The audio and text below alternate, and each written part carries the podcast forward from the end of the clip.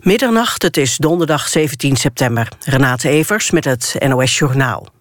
Nederland wordt geconfronteerd met ongeveer 700 vluchtelingen per dag. Het heeft voorzitter Wiene van de asielcommissie... van de Vereniging van Nederlandse Gemeenten gezegd in Nieuwsuur. Hij zei desgevraagd dat het klopt dat het COA gemeenten geregeld onder druk zet... om te helpen de vluchtelingen te huisvesten. Overleg heeft altijd de voorkeur, maar nood breekt wet... zei de VNG-commissievoorzitter. De algemene beschouwingen in de Tweede Kamer hebben voor een groot deel in het teken gestaan van de vluchtelingenstroom. Alle fractievoorzitters besteden er aandacht aan. PvdA-leider Samsom noemde de gevolgen van de vluchtelingencrisis erger dan de bankencrisis van 2008. Veel oppositiepartijen vroegen zich af wat er maandag bij het Europese overleg nu precies is afgesproken. Langs de Servische kant van de grens staan 70 bussen met vluchtelingen te wachten tot ze Kroatië worden binnengelaten. Daar willen de vluchtelingen met de trein doorreizen naar de hoofdstad Zagreb. Vandaag zijn in totaal 1300 vluchtelingen Kroatië binnengekomen. Alleen degenen die zich willen laten registreren mogen door naar Zagreb. De rest wordt naar een opvangkamp gebracht. Nu Hongarije de grens heeft gesloten, hebben de vluchtelingen hun reisroute verlegd naar Kroatië. De familie van de overleden Taliban-leider Mullah Omar heeft zijn steun uitgesproken voor zijn opvolger, Mullah Akhtar Mansour. Daarmee lijkt een splitsing binnen de Taliban voorkomen. Omars oudste zoon en broer hebben trouw beloofd aan Mansour, terwijl ze eerder zeiden dat ze hem niet steunden. Omar overleed eind juli en een paar dagen later was Mansour benoemd als zijn opvolger. En dat viel bij verschillende Taliban-kopstukken niet goed en er ontstond verdeeldheid. Het weer bewolkt en lokaal nog een bui. Langs de kust staat een krachtige tot harde wind. Overdag buien met lokaal kans op onweer. In de middag klaart het wat op en het wordt zo'n 17 graden. Dit was het NOS Journaal. NPO Radio 1. VPRO. Nooit meer slapen.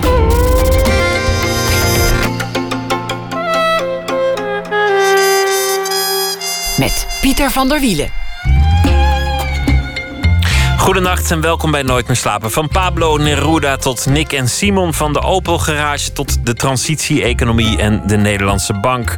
Dat hebben we allemaal in petto de komende twee uur. Na een, een gesprek met dichter Hagar Peters over haar eerste roman, die mede is geïnspireerd op de dichter Neruda. Kunst in de expositieruimtes van de Nederlandse Bank. Ook dat na een. Danielle Kwijtaal die liet zich onder meer inspireren door Nick en Simon uit Volendam. We beginnen met Walter Bart. Vanaf volgende week zetelt het theatergezelschap Woenderbaum twee weken lang in de stad Schouwburg van Amsterdam voor het uh. Verschillende voorstellingen zullen daar te zien zijn. En dan is er ook nog Rotterdam. Want daar gaat een nieuwe voorstelling op een bijzondere locatie in première. De Helpdesk. Tja, Wonderbaum, hoe leg je dat nou weer uit? Ze bestaan 15 jaar. Hemelbestormers in de theaterwereld. Met voorstellingen op locaties. Experimenteel theater, actuele thema's. En dan ook nog het project The New Forest. Dat is veel meer dan theater alleen. Ze gaan op onderzoek uit tussen de daklozen van Los Angeles bijvoorbeeld. Of ze duiken in de wereld van de Europese grensbewaking. En intussen vragen ze het publiek om mee te denken. Om ideeën en input. Walter Bart die zit tegenover mij. Geboren in 1978. Medeoprichter, acteur. Deed de theaterschool in Maastricht. Zijn vader werkte in de haven. En zijn moeder speelde piano. Was docenten en hield van Chopin. Walter Bart, hartelijk welkom. Hallo. Waarom ben je acteur? Waarom acteer je? Waarom maak je theater? Um, ik denk dat ik altijd het prettig vond dat ik een combinatie tussen uh, bewegen en taal uh, dat dat me aantrok.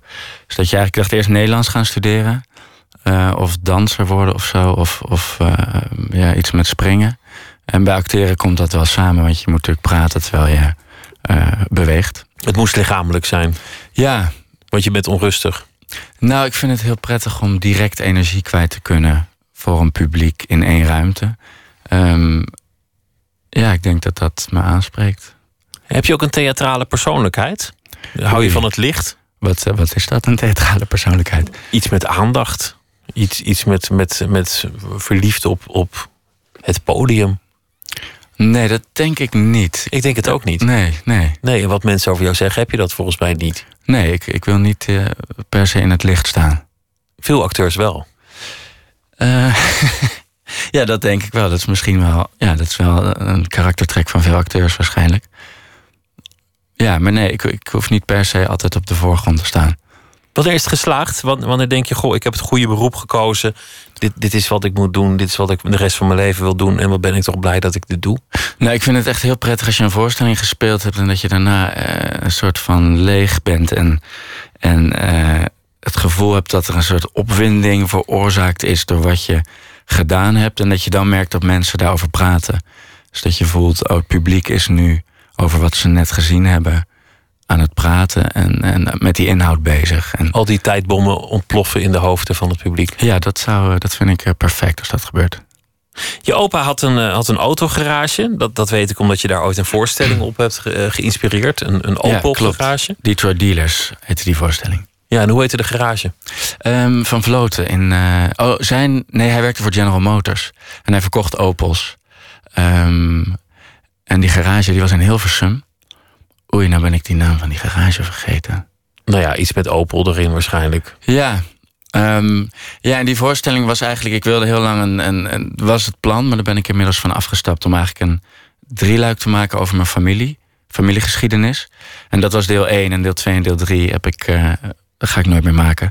Maar deel 1. Het kan nog, er is nog tijd. Ja, maar ik merk dat ik er niet meer zoveel zin heb om zelf iets over mijn eigen familiegeschiedenis te maken. Ik merkte dat ik daardoor dacht, je dat. Uh... Want de wereld is groter en belangrijker. Ja, waarom het over jezelf. Ja, dat is echt wel een, thema, denk ik. Begin je bij jezelf of begin je met een groter verhaal? En als je met een groter verhaal begint, dan gaat dat natuurlijk uiteindelijk, als het goed is, ook over jezelf. Of je begint uh, bij jezelf. Ja, en die voorstelling begon heel erg bij mezelf. Um, en ging eigenlijk over de opkomst van de auto-industrie in de jaren 50. Mijn opa die was op bezoek geweest in Detroit. En ik was heel gefascineerd door die, dat deel van die familiegeschiedenis. Het waren allemaal foto's van hem dat hij, hij rookte altijd sigaar. En ja, dat, je zag ook gewoon dat hij in het vliegtuig uh, mocht je nog roken toen. En ik vond dat zo'n fascinerende overgang. Dat je denkt, dit, dit is zo het hele beeld wat wij hebben van de auto is in vrij korte tijd eigenlijk, of in 60 jaar, totaal veranderd. En we noemden dat dan ook, de ondertitel was de eeuw van de rook. Dat je eigenlijk zegt dat overal rook was. Uit die, uit die fabriek in Detroit kwam rook. Uh, en uit die auto's kwam natuurlijk ook een soort Uit die auto's kwam heel veel rook. En uit hem kwam dus ook heel veel rook, omdat hij dus altijd sigaren rookte. Um, en ja, die overgang naar nu, dat, ik vind dat zo fascinerend dat alles nu stil is en het moet elektrisch, smooth. Uh. En de jonkies interesseert het ook niet meer. Ik had nog wel posters van automobielen aan de, aan de muur en droomde nog wel van de auto's die ik later zou rijden. Het is er ook helemaal nooit van gekomen. Maar ik, ik spreek nu jonge mensen die willen een racefietsje. En die pakken desnoods een green wheels, maar die hoeven niet meer zo nodig. Ja, nee, dat heb ik zelf ook. Dat het bezit van een auto, maar eerder last. Het is een last. Ja, ja. Ik, ik, heb er wel altijd auto's gehad. Um, maar ik, ik werd er helemaal gek van, ja. Dat is dan het thema van de voorstelling. Dus eigenlijk de vooruitgang, hoe die zich weer omkeert aan de hand van een familie. Laten we toch even de familie afmaken. Want uh, wat ik te weten ben gekomen is dan dat je vader in de haven werkte. Ja, die was loods in de Rotterdamse haven. Um, eigenlijk een vrij, ja, een beroep. Ik had het de laatst met hem over met een heel raar ritme. Want hij werkte vijf dagen in de week. En dan was hij vier dagen vrij. En dan weer vijf dagen en dan weer vier dagen vrij. Dus af en toe was hij er heel de tijd. En in die vijf dagen uh, had hij rustpauze van tien uur, maar kon hij altijd opgeroepen worden. Dus je had dan eigenlijk s'nachts heel onregelmatige werktijden. Dus je had soms een vader, soms niet? Nou nee, ik had altijd een vader. Dat klinkt heel dramatisch. Ja. nee, nee, ik had echt altijd een vader. Maar alleen was het zo dat we dus altijd stil moesten zijn overdag. Als hij sliep. Want wij ja, dus we woonden gewoon in een rijtjeshuis in Capelle aan de IJsland. was er altijd een echte pleurisherrie op een pleintje daar. En mijn moeder was ook nog pianolerares. die aan huis les gaf. Wat een combinatie. Stil zijn voor, voor papa die slaapt en, en de moeder piano les. Ja, dat, ik dacht me laatst ook toen ik, toen ik met een, hem, ja, toen ik hem was verder, dat is eigenlijk onmogelijk. Verder vast een goed huwelijk. Maar op dit ene vlak dan net Nee, niet. ik had eigenlijk later met hem te doen. Dat je dan je, ja, overdag moet slapen. Ja, maar um, ja, dus die, ja, die werkte in de, ja, als loods in de haven. Veel van wat je doet gaat over politiek. Was je vader als, als havenwerker, nou ja, loods is een, is een heel chic beroep, maar was dan toch een soort jonge Paul Rozenmuller? Met, met een, met een Nee, nee, nee. Hoor. Hij kwam echt uit het gezin van mijn opa, dus de autohandelaar was een vrij liberaal gezin. VVD meer? Uh, ja, meer die kant. En uh, nee, het is geen, geen rood. Uh... Wel geëngageerd? Ja, mijn vader is, is uh, ja, altijd heel veel over. over, over uh, nou, hij was vroeger een enorme uh, fan van Vercote en de Bie. En we moesten altijd van Cote en de Bie kijken, of dat keken we wel allemaal samen. Um, ja, en dan had hij daar ja, heel veel discussies over, hadden we altijd thuis. gesprekken, ja. Je wilde iets met taal, je wilde iets met, met het lichaam. Je wilde ook iets overbrengen. De, de keuze voor theater is vrij logisch. Was, was het ook je eerste keuze? Um, ja, dat is eigenlijk vrij snel gegaan. Wat, heel raar, wat, ik, wat ik heel raar vind, dat is heel raar aan theater als je in, in een. Omdat je auditie doet op zo'n school. Ik had eigenlijk helemaal. Ik had pas toen ik naar de toneelschool ging één stuk gezien. Uh, ja, ook iets wat ik nu. Koopman van Venetië of zo. Een Shakespeare-achtig stuk. En toen dacht ik, ja, dat zou ik willen doen. Maar als je dan auditie doet en je wordt aangenomen, dan kom je in een soort uh, lawine, lijkt het nu. Waardoor de tijd, zeg maar, om je af te vragen of je dat nou echt had gewild, op een gegeven moment voorbij is. En dan ja, ben je dat. Dan ben je gewoon in die, in die stroom terechtgekomen. En dat, ja. kun je niet doen of ja. volgen. Ja. Dat is ook wel fijn, want te, te veel reflectie, daar word je ook horendol van. Ja, ik heb, ik heb nooit heel lang getwijfeld over studiekeuze. Terwijl ik heb natuurlijk heel veel vrienden die eindeloos schipperen, dan dat doen, dan dat. Maar goed, het is een intensieve opleiding. Het is een heel hoog niveau. Maar dan komt eigenlijk het moment aan het eind van die opleiding. dat, jullie echt je eigen pad kiezen. Ja, ik had, en, dat was eigenlijk al heel snel dat met mensen uit mijn klas, uh, Maartje Remmers, Marleen Scholten, Matthijs Jansen en Wiene Dieriks, dat we besloten om een collectief te beginnen. Dat we dachten, we hadden eigenlijk geen zin om allemaal individueel als acteur audities te gaan doen. Uh, en eigenlijk voor je eigen. Om, om ZZP'er te worden, want daar komt het dan op neer. Um, ja, maar ook vooral een heel erg uh, ja, een hardwerkend freelance bestaan, waarbij je eigenlijk ja, voelt alsof je je eigenlijk afhankelijk opstelt van regisseurs.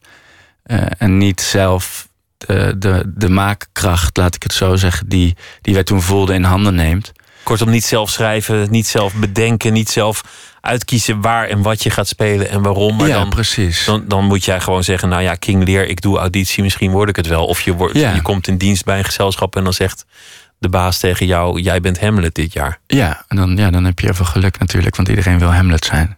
Ja, of je, of je bent een van de knechtjes van Hamlet, heb je wat Ja. minder geluk. Nou ja, Ja, ja, ja. dat wilden jullie niet. Nee, dus en we, we, ja, we, we waren heel erg van het idee overtuigd dat het collectief moest. Eh, dat zijn we nog steeds. En dat is eigenlijk ook niet veranderd in die 15 jaar dat we nu werken. Dat we eigenlijk bouwden van. We, we proberen eigenlijk alles met z'n vijven te doen. Dus ik zou, wij waren ook het liefst hier met z'n vijven. Denk Er ik, is geen hiërarchie, er is niemand de baas. Nee. Nee, dat is gewoon niet zo. Dus dan En dat proberen is ook we- niet ontstaan, want, want ik kan me voorstellen dat je zegt, nou niemand is de baas, maar als, eh, als Walter het zegt, dan gebeurt het. Nee, nee, dat is echt niet zo. Dat is. eh, nee. Of Matthijs, of, of wie dan Nee, ook. nee, dat is niet zo. Dus we proberen eigenlijk met z'n vijven. En dat is ook heel vaak ongemakkelijk, want mensen zijn. Daar is, daar is wel heel veel op ingericht, natuurlijk, dat er één iemand. ja, wat ik zei, dat je alleen in een praatshow zit. Ik heb ook het gevoel nu dat ik namens vijf praat. Dat moet, je vragen- niet, dat moet je niet proberen, want Nee, je- dat- dat je lukt kunt niet, alleen maar- namens jezelf spreken. Ja, dat is zo. Maar mensen vragen heel vaak. Hier, nu zeg ik het. Mensen vragen heel vaak aan ons: hoe gaat het met jullie? Ja. Ik heb heel vaak dat iemand naar me toe komt en vraagt: hoe gaat het met jullie? ja, hoe gaat het met jullie? Ja, nou, het gaat nu heel goed. Ja. Nou, het, wat is Wonderbaum? Wa- Wanneer, eh, ehm, ja, hoe, hoe moet je dat definiëren? Wat is theater volgens Wonderbaum?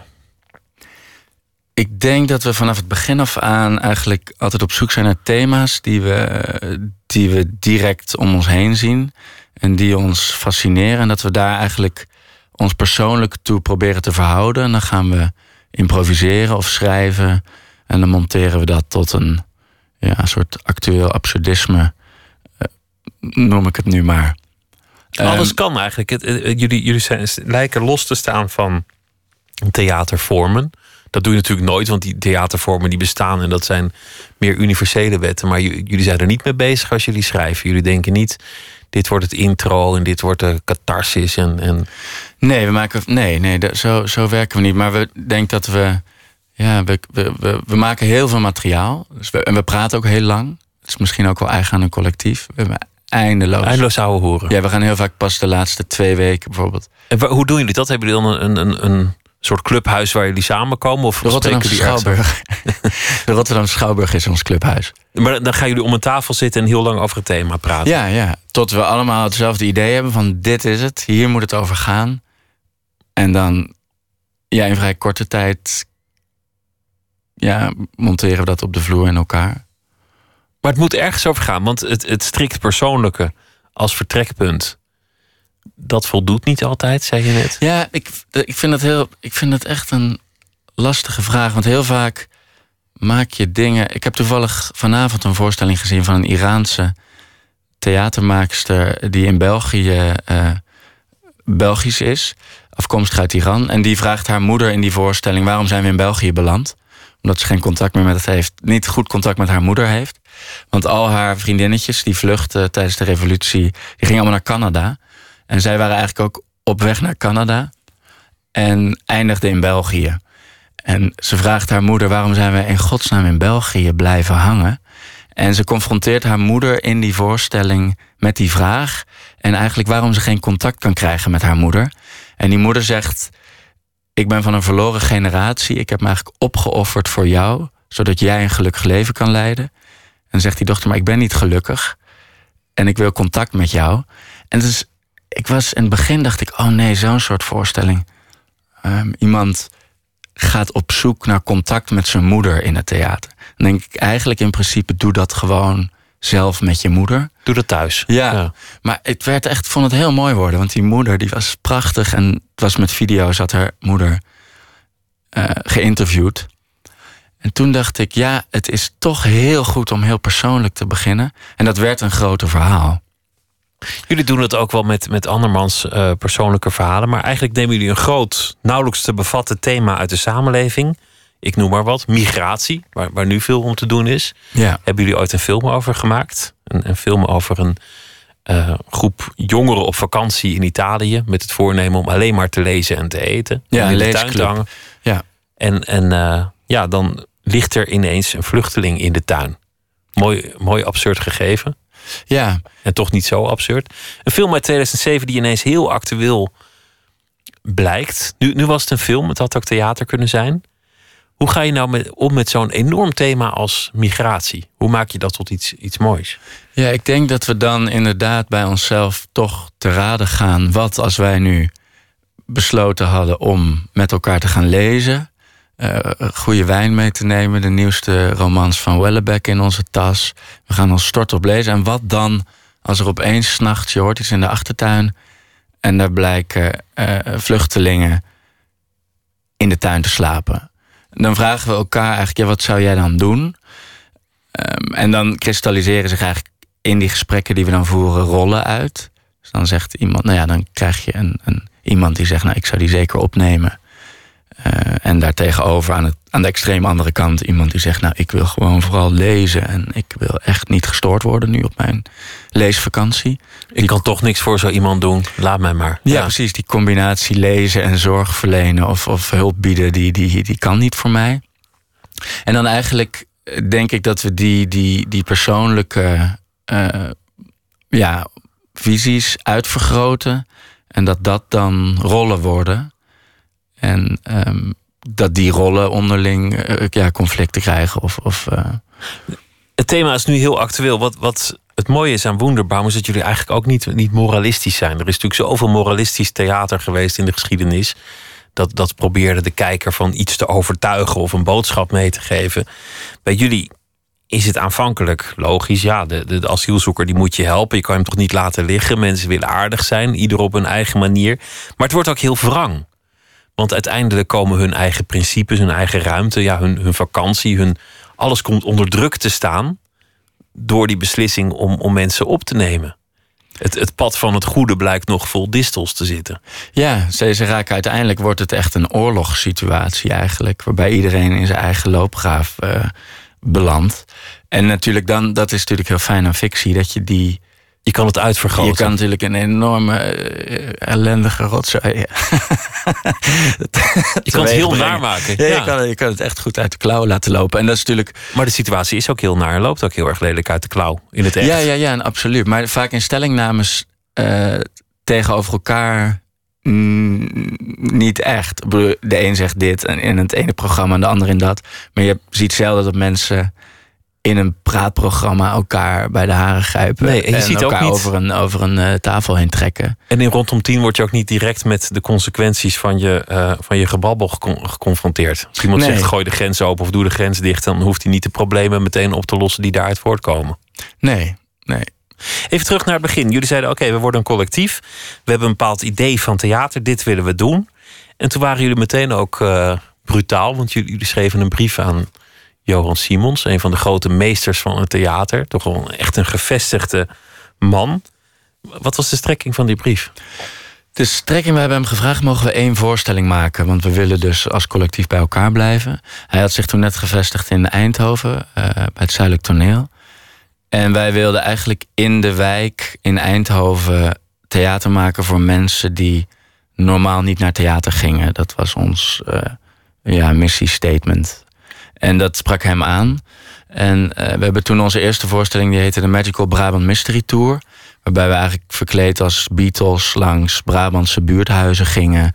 En met fanfares iets maakten over 9-11. Omdat toen 9-11 net had plaatsgevonden. Eigenlijk september eh, was toen net, waren wij net afgestudeerd. Toen 9-11 eh, plaatsvond. En tijdens dat repetitieproces vlogen die, die vliegtuigen in, die, in dat World Trade Center. En toen ging ons werk dus automatisch daarover. Wat eigenlijk achteraf gezien, ik heb laatst dat nog eens teruggezien op beeld, een vrij absurde situatie opleverde. Want je krijgt dus iets heel erg buurthuisachtigs met hele grote thema's erin. Ja, en er zaten allemaal personages in die, eh, die vrij direct reageerden op die tijd. Ik was bijvoorbeeld een euro-engel. Dat was ook de invoering van de euro. En ik begeleidde de mensen eh, bij de invoering van de euro als engel. Ja, dat was een scène. Maar ja, enfin, Wonderbaum was, was geboren. Is het ook wel eens mislukt? Dat je Oh, heel, ja, zeker. Ja, ja. Ehm, we hebben bijvoorbeeld wel, nu wat je net zei, we hebben een voorstelling gemaakt, mislukt. En daarom vind ik hem dan toch wel gelukt. Maar in Los Angeles met eh, eh, een groep bewoners van Skid Row. En dat is eigenlijk de, ja, de, de, de plek in Los Angeles waar daklozen terechtkomen. En daar werkten we eigenlijk samen met een groep die eigenlijk ja, sociaal werk verricht voor die daklozen. En daar merkten we dat onze, ja, de frictie tussen fictie maken of echt hulp verlenen, eh, dat botste.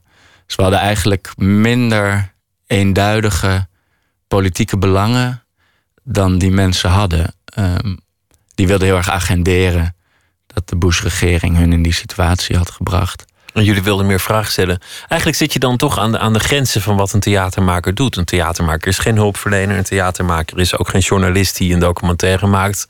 Een theatermaker is ook niet een, een wetenschapper die, die een antwoord zoekt op, op, een, op een vraag of een kwestie. Nee. Uiteindelijk is het een avondje uit. Maar jullie lijken wel steeds aan die grenzen te morrelen. Jullie zoeken die grens wel op. Ja, ik denk dat we daardoor nu ook wel bij de grens tussen fictie en realiteit vaak uitkomen. Dat we zelf die vaak overschrijden. En ook vaak werken met niet-acteurs. Dus nu eh, in onze laatste voorstelling, die eh, We doen het wel zelf heet, spelen in iedere stad 30 mensen mee uit de stad. We gaan iets eh, bijzonders doen. En dat is namelijk jullie nieuwe voorstelling komt eraan, Helpdesk. En jij gaat live een stuk spelen met eh, een, een actrice. Zou je alsjeblieft even willen uitleggen wat je gaat doen, waar de voorstelling over gaat en wat Ja. voor scène we gaan horen? Ehm, eh, de voorstelling die, eh, waar we een stuk uit gaan spelen heet Helpdesk. En het gaat over een vrouw, Karen, die werkt bij Karen's Company. En die heeft een belcenter, een helpdesk, waar je naartoe kan bellen met al je vragen. Dus als je je creditcard kwijt bent, kun je haar bellen. Als je een weekendje in, in Taipei bent en je zoekt een minnares, kun je haar vragen om dat te organiseren. Als je eh, liefdesverdriet hebt, dan kan je haar bellen. En die vrouw, doordat zij zoveel eh, identiteiten aanneemt en eigenlijk hulp verleent over de hele wereld eh, op alle tijdstippen door elkaar.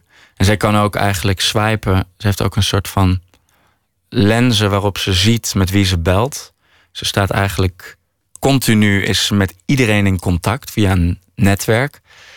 En eh, ja, zij neemt al die identiteiten aan en daardoor ja, is eigenlijk de vraag wat haar eigen identiteit is.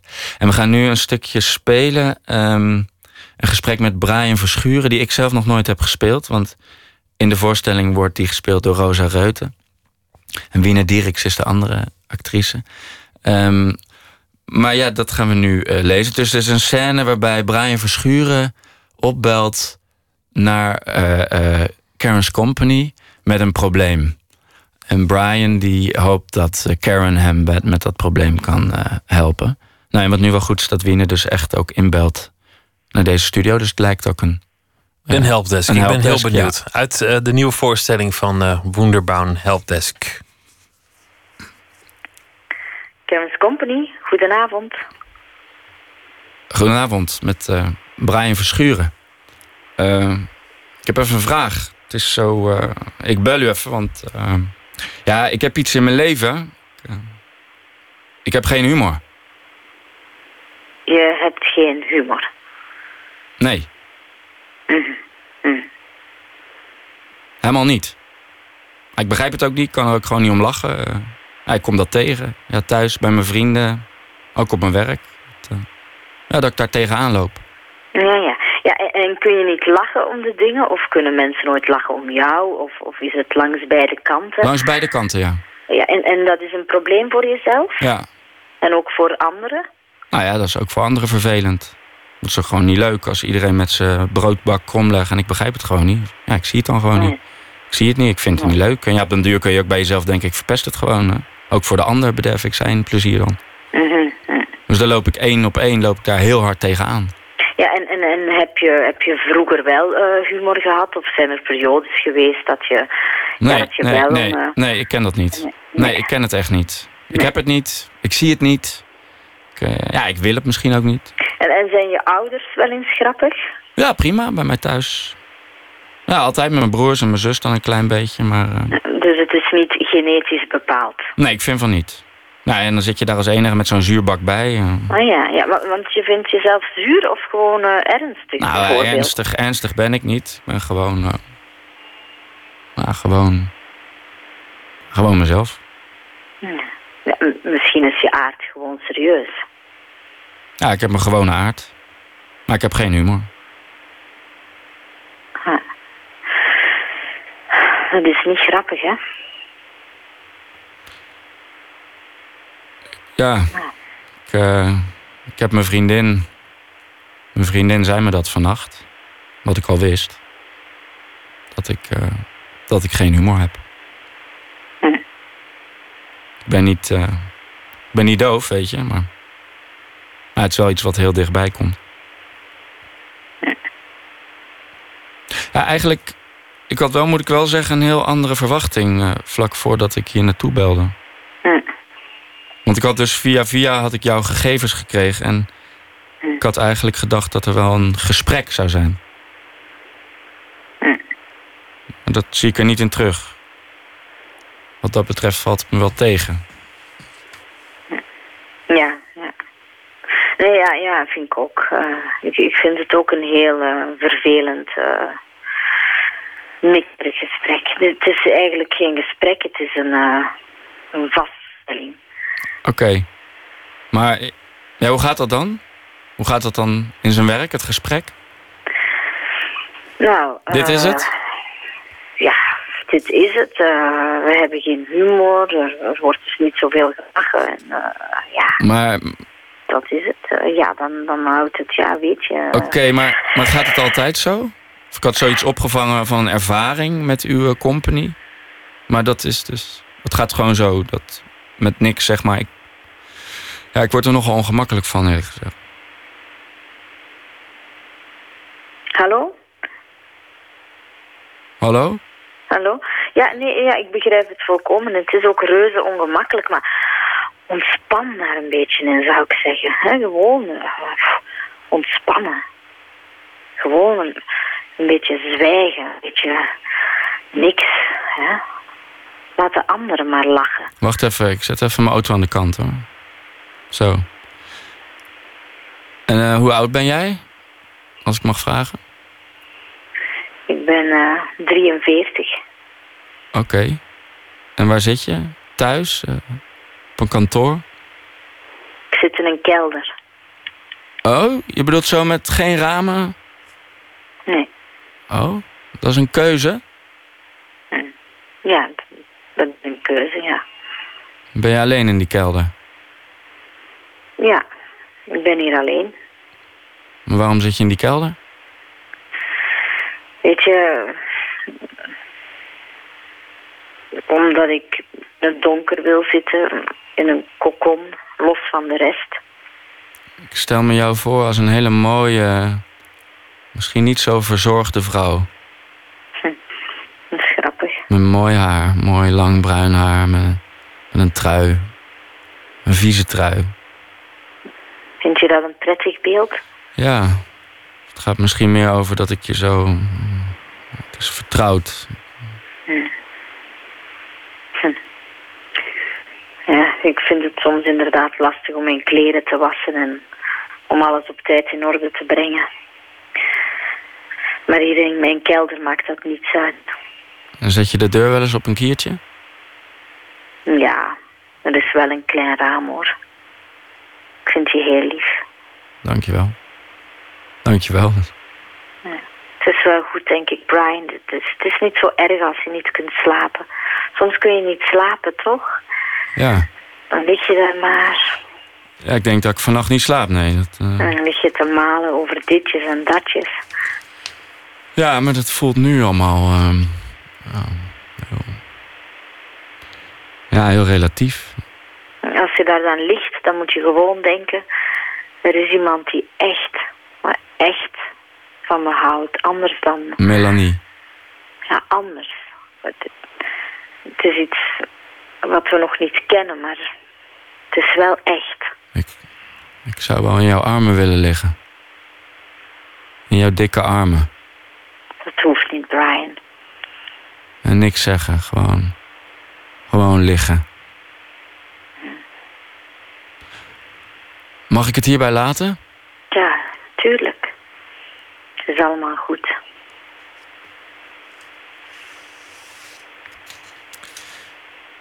Uit de nieuwe voorstelling van eh Wonderbaum vanaf volgende week te zien in Rotterdam. En dat was eh Wiene Dirk samen met Walter Bart, die eh, een stuk live voordroegen. We gaan luisteren naar eh, muziek uit de Bronx. Twee uh, zoetgevoiste dames die bevriend raakten met de zangeres Sharon Jones. En toen zijn ze zelf ook een uh, zangduo begonnen, Son en Star. En we gaan luisteren naar het nummer In the Night. You're smiling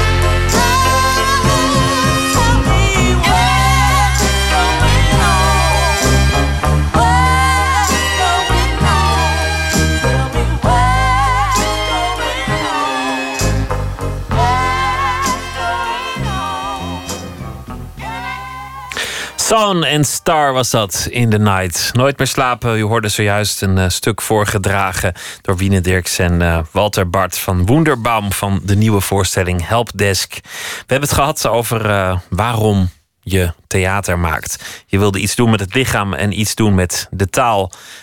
Thuis werd al gesproken over dingen in, in de maatschappij. Eh, je, ouders waren redelijk geëngageerd. Je moeder speelde piano, je vader werkte in de haven. En je kwam van de toneelschool en dacht... ja, ik ga niet bij een gezelschap en gewoon rollen spelen. Het moet meer zijn. We kwamen erover te spreken dat het vaak langs de grens scheert... van wat theater nog kan. Jullie zijn niet echt wereldverbeteraars. Jullie zijn niet welzijnswerker. Jullie zijn geen journalisten die eh, een documentaire maken... of wetenschappers die het antwoord zoeken op een, op een vraagstuk. Jullie blijven maar toneel maken. Die helpdesk bijvoorbeeld. Het is natuurlijk een, een, een mooi thema in deze tijd. De, de helpdesk, als je zo aan de lijn krijgt. De vervreemding die, die treedt onmiddellijk op... zodra je al zo- zo'n werkstudent aan de lijn hebt die het ook niet weet. Nee, en de Matthijs die had het idee voor deze voorstelling... omdat hij hoorde dat die helpdesk vaak eh, in andere landen zit... eh, waar de lonen lager zijn. En dit heeft hij eigenlijk gebaseerd op een helpdesk in India... waar je dus met alle vragen naartoe kon bellen. Wat het ook is. Wat het ook is. Eh, Maar ja. uiteindelijk verliest ook de helpdesk-medewerker hier eh, de eigen identiteit. Ja, zij... zij Raakt ook in verwarring. Zij raakt in verwarring en zij, ik denk dat zij op een gegeven moment ook niet meer weet in welke zone ze zich bevindt, waar, waar in de ruimte. De voorstelling speelt op de 32e verdieping eh, in, nu in première in de Rotterdam van Rem Koolhaas. En dat gebouw, je kijkt uit over de stad. En wat misschien nog goed is, er zit, het publiek heeft koptelefoons op. En er zit eigenlijk een soundscape onder. En je kijkt dus, er is echt een prachtig uitzicht. Je kijkt over de Erasmusbrug richting Den Haag. En eigenlijk denk ik dat je die stemmen die eh, zij allemaal hoort met die ja, soundscape, dat, dat, dat, je dat, dat je die stad die daarachter ligt daar ook op projecteert. En dat je eigenlijk ziet dat er allemaal connecties zijn, eh, verbindingen, eh, waar zij eigenlijk een beetje in verdwaalt. En probeert iedereen ja, te helpen. Maar ze heeft ook bijvoorbeeld een vastgoedontwikkelaar die zegt: ik, ik, ik kan niet meer, want ik, de groei, ik kan mijn eigen groei niet meer aan, want hij gelooft niet meer in herontwikkelen. Hij wil alles plat gooien. En dan zegt ze ook, heeft ze bijvoorbeeld ook gehad met een klant. Zegt, nou spring gewoon van een van die gebouwtjes van je. Je maak er een eind aan. Ja, maak er een eind aan. Soms, soms denkt ze ook voor mensen wat die nodig hebben. Ja, en dat is natuurlijk bij die Brian. Nou, bij die Brian slaat het echt om dat zij zelf ook heel eenzaam wordt. En zegt dat ze in een kelder zit, terwijl ze heel hoog zit. Maar Letterlijk spiegelen. Ze Ja. gaat te veel mee in, in, in zijn verhaal. ja, Een andere voorstelling die ehm, ook van, van dit jaar is, die, die jullie ook nog spelen, is eh, We doen het wel zelf. Over de, de participatiesamenleving. Weer zo'n reusachtig thema, de participatiesamenleving. Misschien ook wel gewoon een woord. Ik weet het eigenlijk niet. ja, het is een 23-letterig ambtenarenwoord. Eh, Ja, het- maar tegelijk eh, is het aan de ene kant een visie waarvan je misschien nog wel denkt: nou ja, oké, zit ook wel wat in. Laten we het, laten we het een keer zelf oplossen en voor elkaar. Waarom altijd teruggrijpen op vadertje staat? Ja. Tegelijk is er ook de verdenking van ja, je verpakt het heel mooi, maar je bent gewoon aan het bezuinigen. ja, dat is precies de. De, de poen moet ergens vandaan komen, dan noemen we het maar participatiesamenleving Ja, ja. opgelost. Ja, ja. Hoe maak je daar theater van? Dat we eigenlijk. ehm, we zijn op zoek gegaan naar. We noemen het de participatie promo tour. We zijn eigenlijk op zoek gegaan naar initiatieven die het op een bepaalde manier zelf doen. Dus burgers die die participatiesamenleving, die echt heel goed participeren. Dus we proberen eigenlijk op het toneel een, ja, eh, de status van de participatiesamenleving te tonen. Eh, en dan krijg je allerlei burgerinitiatieven. Er zijn enorm veel initiatieven die eigenlijk van onderop, niet hiërarchisch, maar ja, bottom-up, zoals ze dat dan noemen, eh, zichzelf organiseren en alternatieven verzinnen. Ehm, nou ja, we zijn er dus legio tegengekomen. Noem eens wat. Eh, in Rotterdam hebben ze enorm bezuinigd op de bibliotheken. En dan heb je bijvoorbeeld een initiatief dat heet Leeszaal West. En daar is iemand, omdat 70.000 Rotterdammers zonder bibliotheek zaten eigenlijk in een stad, in een deelgemeente, is daar zelf een bibliotheek begonnen. En die begint dan gewoon in een oud badhuis. eh, een bibliotheek. Die heeft zeven dames die de collectie beheren. Die ruiken of de boeken niet stinken of uit elkaar vallen. En hij zegt, boeken verzamelen is niet het, eh, het probleem... maar hoe je er vanaf komt. Je hoeft ze ook niet terug te brengen. Omdat hij geen zin had in de bureaucratische romslomp van het... Het stempeltje, de datum en het pasje. Ja.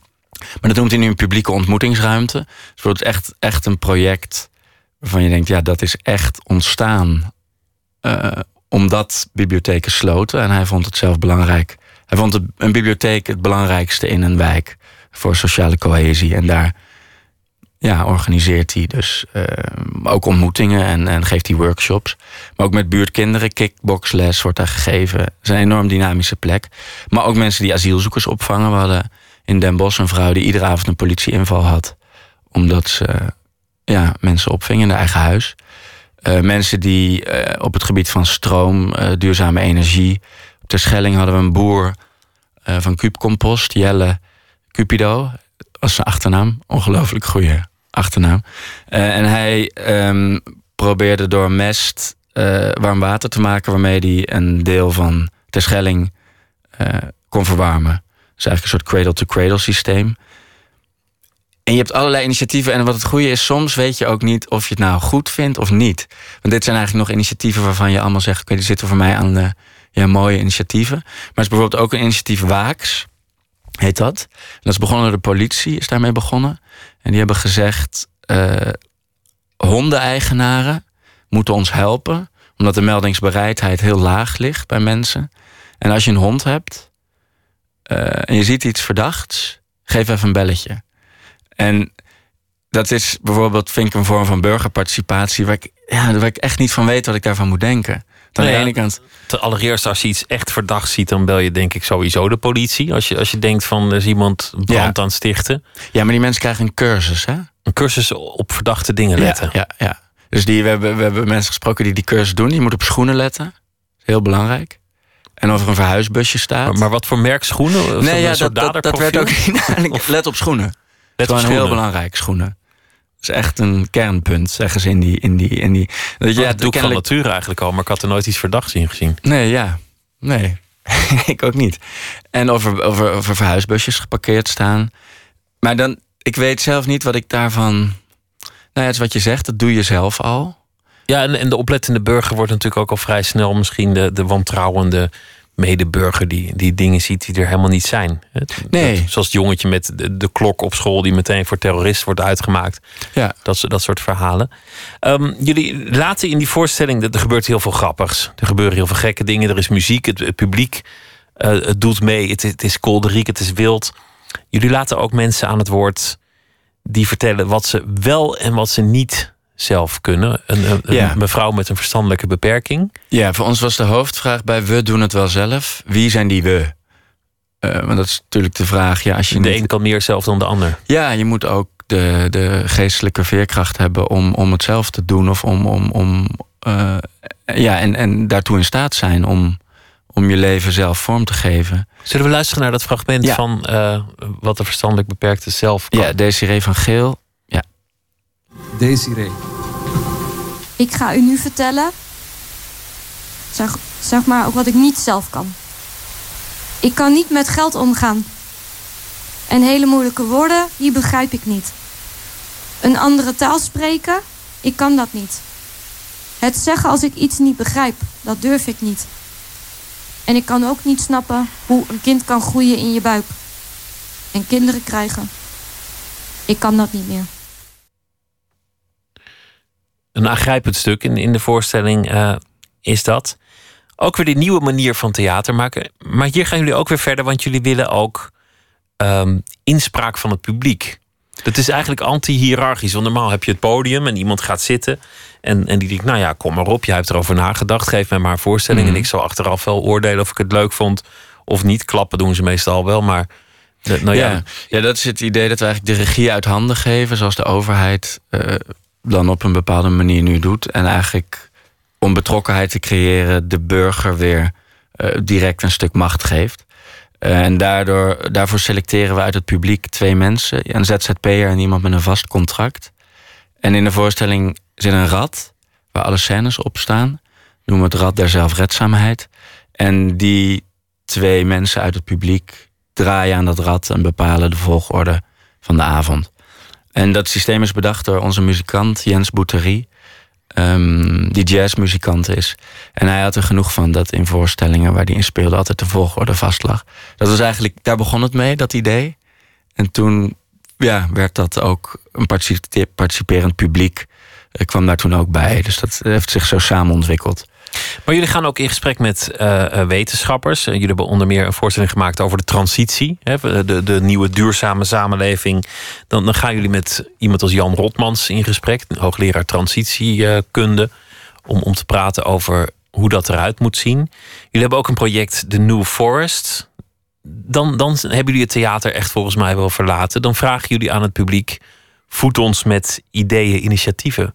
Jij kan het vast beter uitleggen. Ehm, nee, maar je legt het eigenlijk heel goed uit. Dat is het. Eh, dat we eigenlijk de New Forest, we wilden eigenlijk eh, een soort, ja, hoe ziet de nabije toekomst eruit en hoe kunnen we die eh, vormgeven? Of hoe kunnen we daar grip op krijgen? Omdat we eigenlijk merkten dat heel veel mensen een soort verlamd leken door een crisis die we tegenkwamen op alle gebieden, zowel in de zorg als in de rechtspraak. En we hebben eigenlijk allemaal mensen aan ons gebonden, bijvoorbeeld twee rechters uit Rotterdam.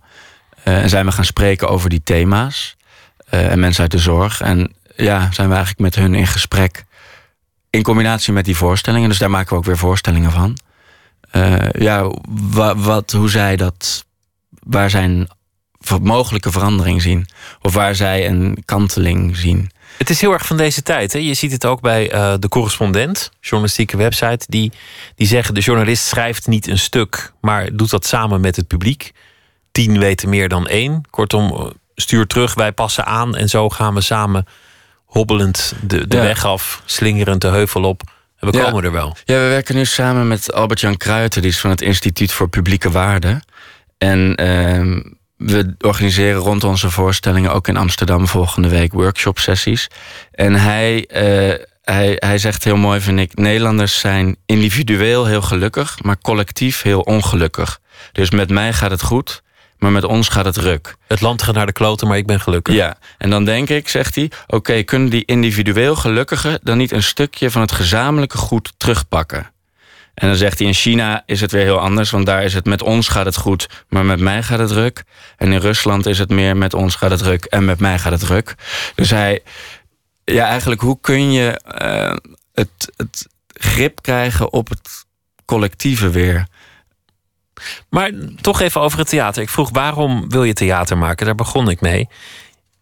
Veel mensen willen theater maken gewoon om, om te entertainen. Om, om het publiek een mooie avond te geven. Het hoeft niet ergens over te gaan. Of het mag eindelijk ook eens gaan over dingen die niet actueel zijn, maar universeel. Of persoonlijk. Het mag gaan over de liefde. Het mag gaan over vader-zoon relaties. Nou ja, alle, alle grote Mhm. thema's.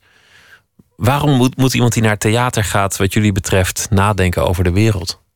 En waarom moeten theatermakers zich bemoeien ja, met ik denk dat we er niet eens zozeer eh, vinden dat andere mensen daarover na moeten denken. Maar ik denk meer dat we er zelf, Jullie zijn er zelf mee dat bezig. we er zelf over nadenken. En dat dan hardop doen. En dan wordt het vanzelf een theatervoorstelling. Ja, dan wordt het een voorstelling. Dus ik, ik, ik wil zeker niet eh, mensen verplichten tot nadenken waar ze geen zin in hebben. En ik weet ook niet of het nadenken. Het klinkt ook heel. Want al die persoonlijke relaties zitten ook in die stukken. Dus we proberen ook het. ehm, Het is ook wel entertainment uiteindelijk. Ja, ik denk dat dat echt heel goed samengaat. En dat je ook, eh, ja, dat een avond, een, een, een voorstelling niet geslaagd is als je het idee hebt: oh jezus, ik heb er zo hard nagedacht.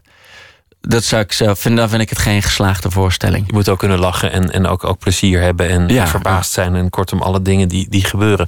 Vijftien jaar bestaan jullie inmiddels. Ja, dat is behoorlijk lang. Ja. En toch nog steeds een beetje hemelbestormers, of niet? Wat is er veranderd?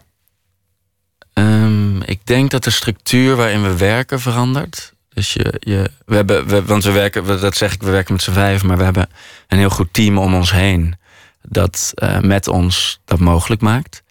Ehm, en dat je, ja, je, dat, je, dat, je, dat je in een structuur komt eh, waarvan je van tevoren niet, ja, had ik niet gedacht dat je daarin zou komen. Eh, ja, daar kom je in. En dat is eigenlijk dat collectieve, laat ik het zo zeggen, wat ik net zei dat we dat altijd zijn. blijkt soms lastiger te verenigen met die structuur. Want je hebt heel erg een structuur die niet gericht is op vijf. Je kan niet alles met z'n vijven doen. We gaan heel vaak ook met z'n vijven naar dingen toe. Maar dan zeg ik, kan er niet één komen? Of twee? Ja, nee, maar we komen liever met z'n vijven. Maar ja, dat is direct eh, lastig. Je kan ook niet met z'n vijven. Het zou raar zijn als, als, als er vijf premiers waren. Of vijf. eh. Nou, misschien zou dat eigenlijk wel eens een, een geestig experiment zijn om Ja, daar ik- ja, een gedeelde ik- baan ik- van te ja, ik maken. ben er zelf voor. Ja, ik denk Ja, dat dat goed zou al die, kunnen al, die, al die druk op de, op de schoudertjes van Rutte. Misschien. eh, we gaan luisteren naar The Queen of Soul. En dan bedoel ik niet Aretha Franklin voor een keer. Hoewel zij natuurlijk echt de Queen of Soul is. Maar er is een goede tweede. Etta James. We gaan luisteren naar Losers Weepers.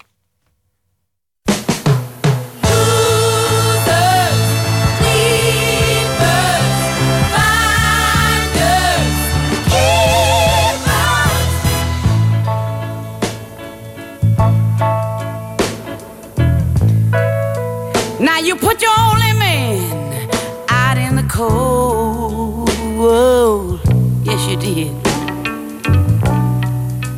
Just because your best friend told you he was too old. Now let me tell you, she lied. And now they found him. Now you want him back. Yes, you do. But let me tell you now. But I'm telling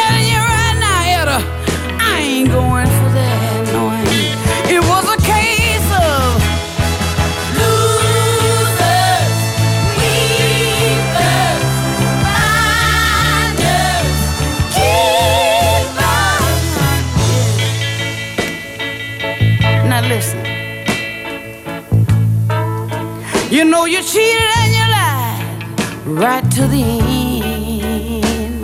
Yes, you did.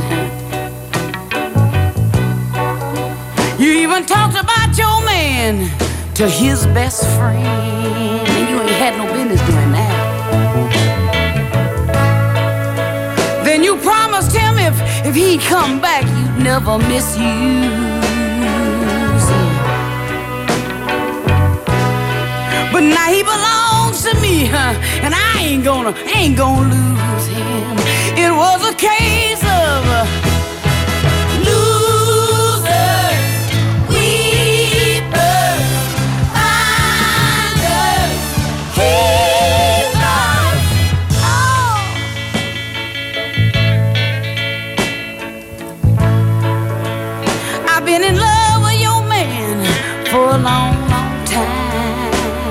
Yes, have. You didn't know that, did you?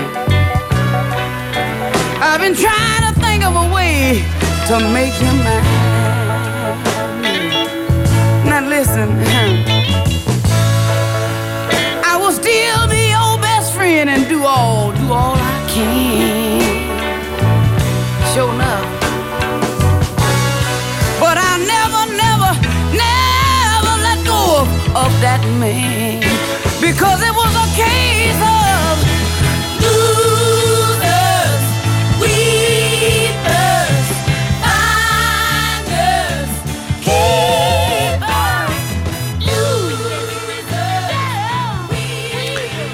Losers Weepers, dat was eh, Etta James. Walter Bart zit tegenover mij. We hebben het gehad over Wonderbaum. Over heel veel dingen hebben we het nog niet gehad. Over het tijdschrift dat jullie nu gemaakt hebben. Over eh, wat jullie eigenlijk met al die input en initiatieven gaan doen. Maar ik wil toch nog even terug naar wat je zelf zei. Want je, je, je begon er eigenlijk over dat je acteur wilde worden. Want je wilde iets met taal. En, en ook iets met beweging. En je wilde niet toetreden tot een collectief. En dit zijn de thema's die jou bezighouden, dus daar ga je mee verder. Je wilde ooit iets doen over de familiegeschiedenis, maar je komt erachter, nou, dit, dit werkt niet. Je wil opgaan in dat collectief. Je had geen theatrale persoonlijkheidsstoornis, geen grote aantrekkingskracht voor het licht. En ergens las ik een mooi citaat, bijna een levensmotto: Je hebt geen kans, grijp hem.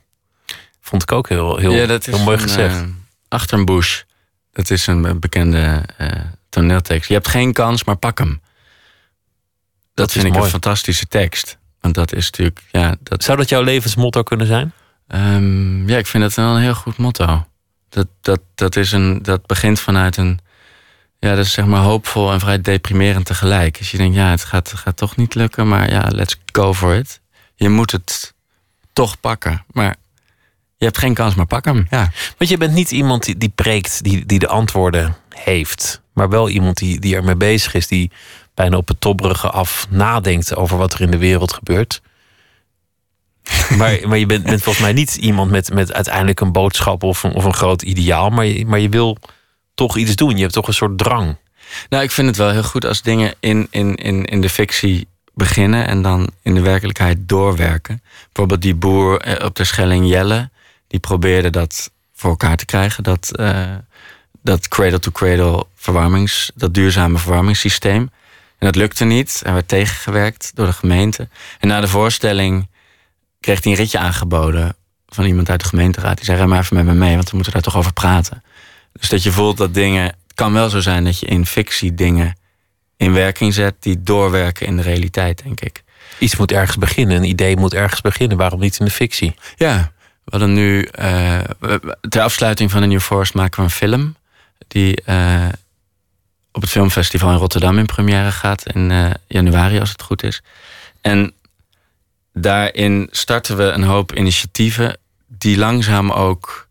ja, lijken, waar behoefte aan lijkt te zijn. Dan vliegen jullie echt het, eh, het toneel uit, als het ware. Ja, we zijn een groep acteurs die stopt met acteren om eh, de wereld te gaan verbeteren. En Marleen opent bijvoorbeeld een tranenbar naar Japans concept. Een plek waar mensen somber kunnen zijn. En niet altijd in een soort tegen de happy cultuur in. Want Facebook heeft sinds vandaag, las ik, of althans dat is vandaag bekendgemaakt, ook een duimpje naar beneden. Oh, echt? Dat, dat het niet meer alleen maar leuk is. Dus die, die tranenbar is nog een stap verder. Dat je ook ergens een keer kan zeggen, nou, alles zit tegen. Ja, dat je kan samenkomen. En in die documentaire blijkt er ook echt behoefte aan te zijn. Dat we in Rotterdam vlees hebben uitgedeeld. En er komen heel veel mensen die denken... ja, dit vind ik echt aangenaam, zo'n plek... waar ik gewoon openlijk eh, ja, mijn, mijn, mijn somberte kan delen. En Matthijs die begint in die film een eh, app om stadslandbouw te ontwikkelen... die Tuinder heet. Eigenlijk geïnspireerd op Tinder natuurlijk, maar dan Tuinder. En dat is eigenlijk eh, een app waarbij als je naar huis fietst... kan zien waar de courgettes op welk balkon klaarstaan.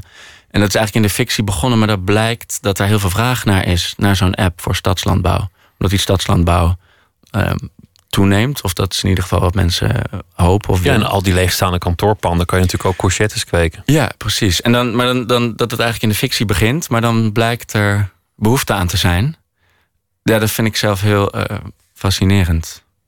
En als, als dit het was, ik bedoel, als je leven gewoon nog, eh, nog een keer, twee keer zo doorgaat en uiteindelijk was het gewoon toneel maken, Walter Bart maakte theater. Is dat dan genoeg? Je vraagt je of ik wil sterven als theatermaker. Ja. Ja, ja absoluut. Dat, lijkt, dat lijkt me prima. Ja. Dat, dat is gewoon voldoening. Je hebt, je hebt gewoon je plek gevonden en denkt, dit is wat ik doe. Ja, echt een ingewikkelde vraag. Ik, ik, ik, weet het echt niet. Toch Ik- alweer twijfel. Ja, ja, ja, absoluut. Nee, ja, ja, je hebt geen kans, maar pak hem. Dus ik, ja. Nee, ik, dat weet ik niet. Daar durf ik geen, eh, geen idee. Nou ja, voor nu is het goed en Ja, eh, we zien wel. Dat is, ook, dat is ook een mooi antwoord. We Ja. zien wel. Wonderbaum, volgende week dus eh, het, het festival. Twee weken lang vanaf volgende week in Amsterdam rond de Schouwburg en in de Schouwburg. En in Rotterdam de, de voorstelling Helpdesk. Ja. En eh, nou ja, ik wens jullie heel veel plezier en heel veel succes. En komend jaar komt er ook nog een documentaire film die jullie Ja. maken over het ontsnappen aan het theater. En een tijdschrift, The New Forest. Dankjewel, Walter Bart. Oké, jij bedankt. Zometeen gaan we verder met eh, Nooit meer slapen. Met eh, heel veel eh, andere dingen rond nou ja, de wereld der cultuur en dat soort dingen. Twitter, het VPRO NMS of via de mail nooit meer slapen, vpro.nl.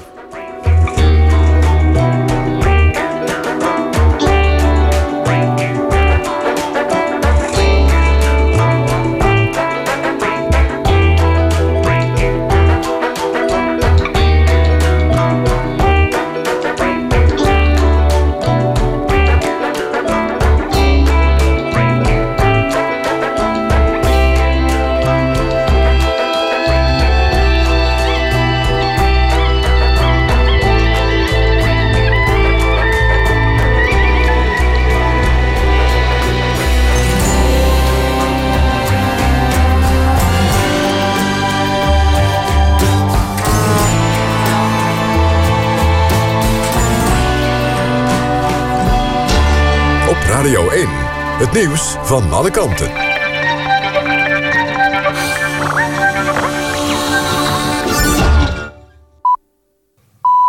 1 uur. Renate Evers met het NOS Journaal. De interim-president, de premier en een paar ministers van Burkina Faso... zijn gegijzeld door leden van de presidentiële garde. Er zijn plannen om de garde op te heffen... en waarschijnlijk proberen de militairen met een gijzeling te voorkomen dat dat gebeurt. De garde wordt gezien als een bolwerk van aanhangers van oud-president Compaoré. Die moest in oktober aftreden door een volksopstand. Hij wilde zich na 27 jaar presidentschap opnieuw kandidaat stellen... hoewel de grondwet dat verbiedt. Sinds zijn vertrek heeft Burkina Faso een interimregering... en volgende maand zouden er verkiezingen zijn. Langs de Servische kant van de grens staan 70 bussen met vluchtelingen te wachten tot ze Kroatië worden binnengelaten. Daar willen de vluchtelingen met de trein doorreizen naar de hoofdstad Zagreb. De afgelopen dag zijn in totaal 1300 vluchtelingen Kroatië binnengekomen. Alleen diegenen die zich willen laten registreren mogen door naar Zagreb. De rest wordt naar een opvangkamp gebracht. Nu Hongarije de grens heeft gesloten, hebben de vluchtelingen hun reisroute verlegd naar Kroatië. De familie van de overleden Taliban-leider Mullah Omar heeft zijn steun uitgesproken voor zijn opvolger, Mullah Akhtar Mansour. En daarmee lijkt een splitsing binnen de Taliban voorkomen. Omars oudste zoon en broer hebben trouw beloofd aan Mansour, terwijl ze eerder zeiden dat ze hem niet steunden. Omar overleed eind juli en een paar dagen later was Mansour benoemd als zijn opvolger. Dat viel bij verschillende Taliban-kopstukken niet goed en er ontstond verdeeldheid. Mansour is een verklaard tegenstander van vredesoverleg met de Afghaanse regering. Hij wil doorgaan met de gewapende strijd tot de gekozen regering is vervangen door een bewind met de islamitische sharia-wetgeving. Het weer bewolkt en lokaal nog een bui. Langs de kust staat een krachtige tot harde wind. Overdag buien met lokaal kans op onweer. In de middag klaart het wat op en het wordt zo'n 17 graden. Dit was het NOS Journaal. NPO Radio 1. VPRO. Meer slapen.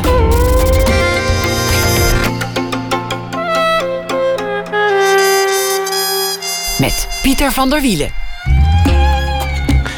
U luistert naar Nooit meer slapen. Zometeen een ontmoeting met dichter Hagar Peters. Ze heeft haar eh, eerste roman geschreven, Malva, over de dochter van de Chileense dichter Pablo Neruda. En een gesprek met beeldend kunstenaar Danielle Kwaitaal. Want eh, zij heeft gemaakt een project From the Vaults, een overzichtstentoonstelling in de kunstruimte van de Nederlandse Bank. Maar we beginnen met Mensje van Keulen. Zij schrijft deze week elke nacht een verhaal voor ons over de voorbije dag. Heeft zelf al vele boeken geschreven. En deze week uh, volgt ze de wereld vanuit twee personages, Bob en Tanja. Goeienacht, Mensje. Goeienacht, ja. Wat voor dag hebben we achter de rug? Um, nou ja, je bedoelt uh, qua nieuws. Dat nou heeft ja, iedereen wel een beetje gehoord. Ik had het zelf nogal druk om, uh, om ja, ik had mensen te eten en ik had mijn kleinzoon van vier. Um, dus het was vroeg op, maar ik heb toch een beetje wel het nieuws in de gaten gehouden. En ik heb natuurlijk vooral op Bob en Tanja gelet, want ja, dat leven gaat gewoon door. Hè? Voor Zeker. deze week althans, deze week. Um, Ga je gang. ik- Ja, oké. Aflevering 3. Vanmorgen lieten Bob en Tanja hun hondje Mickey vroeger uit vanwege de afspraak bij de dierenarts. Poes Pop had nog steeds niet gegeten en was slomer dan gisteren. Er stonden deze keer geen reigers bij de vijver. Maar Bob begon over de ijsvogel dat hij die zo mooi vond dat hij had besloten daar zijn stem aan te geven bij de verkiezing van de nationale vogel. Maar die hebben we alleen op tv gezien, zei Tanja. Die komt niet in je tuintje of het park. Ik kies voor de huismus. Die zijn zo landsknus en altijd aan het kletsen met elkaar. Ach, nou moet ik aan onze pop denken. Die heeft ook al geen vuut meer om achter de musjes aan te zitten. Of de grutter, zei Bob, alsof hij haar niet had gehoord. Een weidevogel. Wat is een Hollandser dan een grutto in een weiland? Ho, zei Tanja. En koeien dan? Die horen in een weiland. Maar ze staan steeds vaker op stal. Alsof ze geen poten meer zouden hebben om op te lopen. We hebben het zelf gezien, die lege weilanden. Of er staan paarden op die gefokt worden voor rijke sheiks. Of schapen. En er zullen door de vluchtelingen nog wel meer schapen opkomen. Ik las over een opvangcentrum in Duitsland. Ik las dat het er rook naar gekruid lamsvlees. Als ik die laatste jaren schapen zie, denk ik... arme donder, straks snijden ze zonder verdoving je keel door. Welke God kan er nou zo vreed zijn dat hij dat wil bij een onschuldig schepsel? Het lijkt ISIS wel. Hoe kan verdorie? Kom, zei Bob, niet doordraven. We moeten opschieten. Kom, Mickey, jij ook. Na Bob thuis in een handdoek te hebben gewikkeld, kregen ze haar eindelijk in het reismandje dat bij de dierenarts ondersteboven moest worden gehouden om haar er weer uit te krijgen. Een half uur later stonden ze buiten met de poes, die een vochtinjectie had gekregen, een pijnstiller en iets smeuigs in haar kleine bonte achterwerk. Als dit alles niet hielp, moest ze morgen worden opgenomen en waarschijnlijk geopereerd. Stilletjes gingen Bob en Tanja op huis aan. Bob liep steeds langzamer en moeizamer. Had duidelijk weer last van zijn knie. Geef mij het mandje maar, zei Tanja, en leun op me. En dan in één adem door. Ze opereren niet als de patiënt te zwaar is. Daar heb ik de dierenarts anders niet over gehoord, zei Bob. Ik heb het over jou, zei Tanja, niet over Pop. Maar nu hoorde ik in een nieuwsprogramma dat je van een kleiner bord minder gaat eten. Omdat je voor die knie sowieso op een wachtlijst belandt, komt dat dan dus goed uit. Ik bedoel maar. Poes Pop begon luid te miauwen. Bob en Tanja keken elkaar aan. Als dat maar een goed teken was. Ik hoop het voor ze. We zien wel hoe het morgen verder gaat. Over Bob en Tanja, mensje van Keulen, dankjewel wel voor, eh, voor dit verhaal. Je hebt er gewoon een heel leven bij eigenlijk, hè? Met twee personages. Je hebt je eigen leven. Ja, het is best een beetje druk. Ja, ja, ik heb nog gedacht, moet ik de buren langs laten komen en het allemaal nog drukker maken? Nou, misschien lukt dat morgen, ik weet het nog niet. Maar eh, ik hoop dat eh, ja, Bob weer op de been raakt. En nou ja, we zien wel hoe het gaat. Ondertussen spelen natuurlijk toch die vluchtelingen steeds weer een rol. Ik kom er niet omheen. Ja, wie wel? Het hele nieuws niet meer. Nee, het is uh, de tijdperk van de grote volksverhuizingen. Ja, kunnen we wel doen of het er niet is. Ja, ja, ja, ja. Er gaat een hoop gebeuren. Mensje, dankjewel. Oké. Okay. Goeienacht en graag tot morgen. Tot morgen. Een mooi Amerikanen-album is verschenen van Lens Canales. Een uh, tot nu toe niet zo heel bekende zanger uit Californië. En uh, nou ja, hij heeft best een miserabel leven achter de rug tot nu toe. En uh, daar kwam dan wel weer mooie muziek uit voort. De blues. We gaan luisteren naar Cold Dark Hole.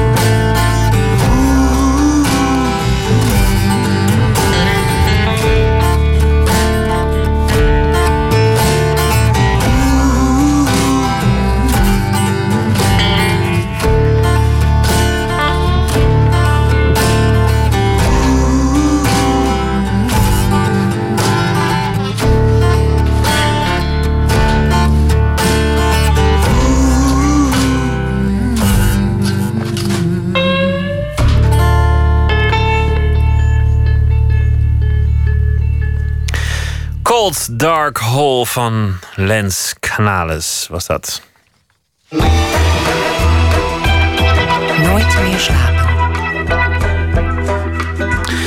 Malva Marina Trinidad Reyes Hagenaar was het verstoten en vroeg gestorven kind van de Chileense dichter en Nobelprijswinnaar Pablo Neruda. Haar graf lag tot, eh, voor kort, eh, tot voor kort volkomen vergeten op de algemene begraafplaats van Gouda. In het leven van de dichter en diplomaat was geen plaats voor kleine Malva, maar dichter Hagar Peters geeft haar een stem in haar debuutroman. We spraken Hagar Peters over vergeten graven en vergeten dochters en over het boek Malva.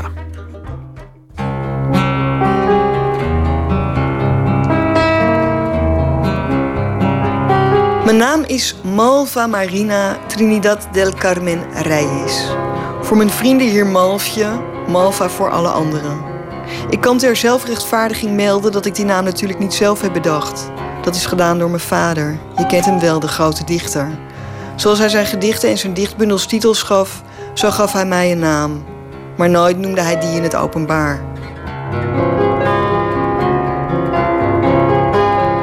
Ik was tien jaar geleden op reis in Chili en daar ont- ontdekte ik dat het verhaal eigenlijk van de dochter van Pablo Neruda. En Pablo Neruda was en is nog steeds eigenlijk de meest gelezen Latijns-Amerikaanse dichter. Hij heeft ook de Nobelprijs voor de literatuur gekregen. Hij was ook heel politiek actief, communist als hij. En ik was daar ook heel nieuwsgierig naar en ik, ik bezocht zijn huizen. Hij heeft drie huizen daar. En in eentje werd bij, tijdens de rondleiding mij verteld dat eh, het grafje van zijn dochter Malva, Marina, net in Nederland was ontdekt. En ik wist helemaal niet dat hij een dochter had en ook niet dat hij in Nederland was gestorven. En bovendien was die dochter ook nog de dochter van zijn eerste vrouw. Of zijn, hij is drie keer getrouwd geweest en de eerste was met zijn Maruka Rijen, zoals ze haar noemde. Ofwel Marie Henriette Hagenaar in het Nederlands, want ze was eigenlijk Nederlandse, op Java opgegroeid. En het bleek dat dat meisje gestorven was op haar achtste in Nederland dus, aan een waterhoofd. En dat hij haar eigenlijk altijd genegeerd heeft. Dat, waarschijnlijk omdat ze dus gehandicapt was. En ze is ook vanaf haar tweede samen met die moeder naar Nederland gestuurd, weggestuurd door hem. En dat verbaasde mij dus juist omdat ik een beetje van Neruda wist... en ook wist hoe politiek geëngageerd hij was... hoe hij juist heel erg betrokken was bij de verdrukte... al zijn gedichten, of nou niet al zijn, maar vanaf een bepaalde periode... gaan al zijn gedichten daarover. Um, en ik dacht, hoe is dat met elkaar te rijmen? Aan de ene kant die gigantische gevoeligheid voor wat uh, zwak, zielig is, wat arm is en ellendig is. En aan de andere kant het onvermogen om uh, zich te verbinden met een kind dat, daar, dat ook zo zwak en zielig is. Mijn boek gaat eigenlijk vooral over de, de poging van die dochter. Om, want ik, mijn boek is eigenlijk Malva, de stem van Malva... die na haar dood haar vaders pen steelt... en daarmee haar levensverhaal vertelt. Of eigenlijk aan mij, Hager zodat ik het weer kan beschrijven. En omdat ik wel gewoon op aarde leef en toegang heb tot pen, papier, media, uh, dit radioprogramma, haar verhaal kan uh, vertellen. En mijn hele boek is eigenlijk een, een poging, of tenminste dat, zo wil ik het laten lijken, van Malva om haar vader te bereiken.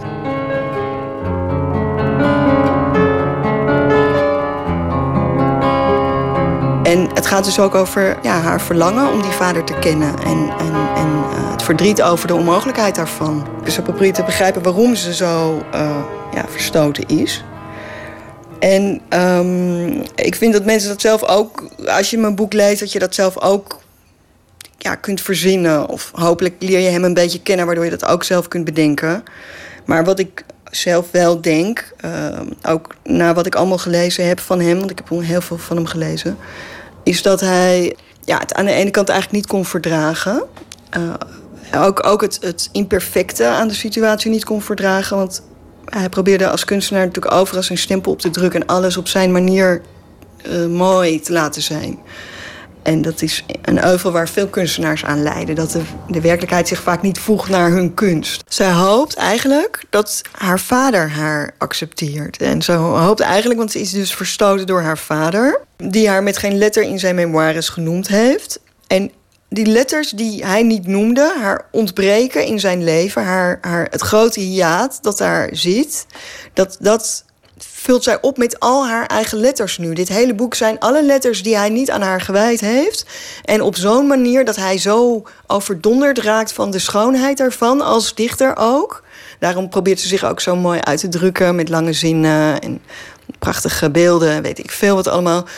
Um, en zodat hij alsnog naar haar toe komt. En dat is natuurlijk ja, een keus die ik als schrijver gemaakt heb om het op die manier geloofwaardig te laten zijn is een diep tragische keuze. Ja, maar dat is literatuur. Dat gaat alleen maar over tragiek. Want anders, bijvoorbeeld denk aan Nabokov, hè, Lolita.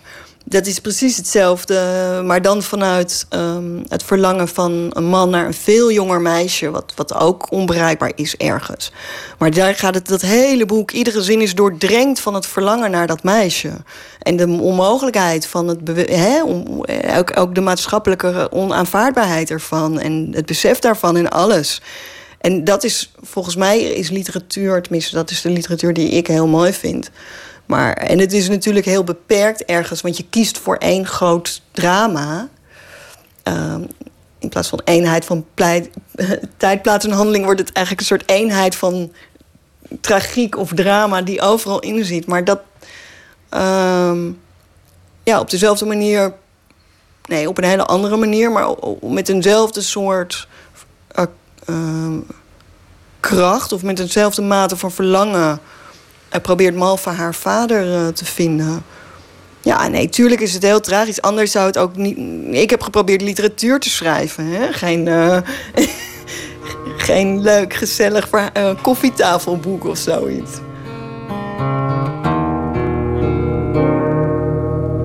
En waarom vertelt ze het jou? Wat doe jij? Wat doet jouw familie in dit boek? Oh, mijn familie. Nou. Uh... Oh ja, nee, maar die, die zit er vrij duidelijk. nee, grapje. Nou, ik heb. Ik was toen ik in Chili was, tien jaar geleden, en op dit verhaal over die dochter stuitte, toen was ik daar omdat ik benieuwd was waar mijn eigen vader was geweest. Op het moment dat ik zelf geboren ben. En hij was daar in 1972. Hij was er een jaar later weer, 1973. Tijdens de staatsgreep van Pinochet. Uh, die had net, was net, had net plaatsgevonden. En kort daarna is Neruda overleden. En mijn vader was eigenlijk ook op het moment dat Neruda werd begraven. Hij is meegelopen in die begrafenis ook. En heeft ook over het huis waar hij opgebaard lag geschreven en al die dingen. En ik mocht mijn vaders dagboeken lezen. En ik was toen zo benieuwd dat ik daar dus naartoe ben gegaan. En dat ik, ik laat eigenlijk ook Malva mij echt uitkiezen als verteller. Van nou, wij hebben dingen. Oh, er zijn overeenkomsten tussen ons. Namelijk, wij hebben onze vaders een deel van ons leven niet gekend. Ik heb mijn eigen vader ook een tijd niet gekend. En bovendien was jouw vader ook aanwezig, hè, vertelt ze naar mij, bij die begrafenis van Neruda, van mijn vader. En ik laat dus ook dagboekfragmenten van mijn vader zitten ook in mijn boek. En eigenlijk is het dus ook, heb ik zelf ook een soort verklaring in dat boek proberen te vinden als schrijvend via Malva. Dus eigenlijk het is eigenlijk, hoop ik, dat dat gelukt is... dat je op een gegeven moment denkt van... goh, is dit nou Malva of is dit nou Hager? Of wie vertelt hier wiens verhaal? Terwijl ze toch allebei heel anders zijn. Maar ze zijn op een bepaalde manier grijpen ze in elkaar. En um, ik ben heel dicht bij mezelf als kind gebleven toen ik dit verhaal schreef. En ik weet nog heel goed dat ik toen ik vijf was, dat weet ik echt nog... eh, ik zat altijd op een richel boven de kachel na te denken. Ik was heel erg een, een, soort van... eh, toch wel een heel dromig kind dat heel, heel veel zat na te denken. En ik, ik zag mijn moeder die er wel was en mijn vader was er niet. En mijn vader die schreef. En eh, ehm, toen dacht ik wel... ehm, het is toch wel jammer ergens dat het niet allebei kan, blijkbaar. Dat je, want ik associeerde het schrijven met vrijheid... en ook wel met iets nastrevenswaardigs, iets moois, iets groots en meeslepends. Maar tegelijkertijd ook dus met een gemis. Namelijk de, het, het, het gemis... eh, het, eh, ja, het gemis eigenlijk van de nabijheid, de, de menselijke nabijheid. Ik, drink dit, ik, ik druk het nu allemaal zeer klunzig uit, maar goed. En, eh, en alleen maar die nabijheid, dus als je moeder of vader er alleen maar is, maar ook alleen maar dat is, is dat eigenlijk ook weer heel best wel. Ja, alleen maar een moeder of een vader die altijd maar huismoeder of huisvader is. Als kind wil je ook een soort van eh, leven nog, dat, een, een groter leven dat je ouders hebben, dat, dat je ouders leiden. Dus, en toen heb ik ergens voor mezelf voor me voorgenomen eh, dat ik eigenlijk als dat ik dat allebei wilde gaan doen. Dus ik zou in mijn leven laten zien. En er is ook een, Hongaarse psycholoog, ik, weet niet wie meer, maar dat heb ik ooit gehoord. Die heeft. Er, bestaat ook een hele theorie over dat kinderen rond hun vijfde zo ongeveer een soort levensmissie voor zichzelf bedenken. Nou ja, dat zou dus best kunnen. Ik ben, het daar dus wel mee eens, omdat ik dat zelf voor mezelf dus ook gedaan heb, wel. Ehm, en ik dacht van ja, ik wil eigenlijk laten zien dat je en schrijver kan zijn en vrij kan zijn. En er toch als mens ook voor je kinderen bijvoorbeeld kan zijn. Toch een gezin zou kunnen hebben of moeder kan zijn. Nou ja, dat heb ik toen allemaal bedacht. En eigenlijk is dat het thema van dit eerst, deze eerste roman van mij geworden. En ik voel me ook ontzettend opgelucht nu. Want ik eigenlijk nu gewoon ja, mijn, mijn levensdoel al bereikt. Dus ik kan gewoon de rest van mijn leven rustig achterover leunen. Ik ben en moeder en ik heb dit boek gemaakt. Dus het zal mijn tijd wel duren verder. Grappig toch? Hagar Peters over de roman Malva. Een bijdrage van Maarten Westerveen was dat. Uit Atlanta komt eh, Cody Chestnut. Eerder werkte ze samen met eh, The Roots. En eh, ze heeft ook met anderen samengewerkt. En we gaan nu luisteren naar een nummer met de titel The Average Working Man.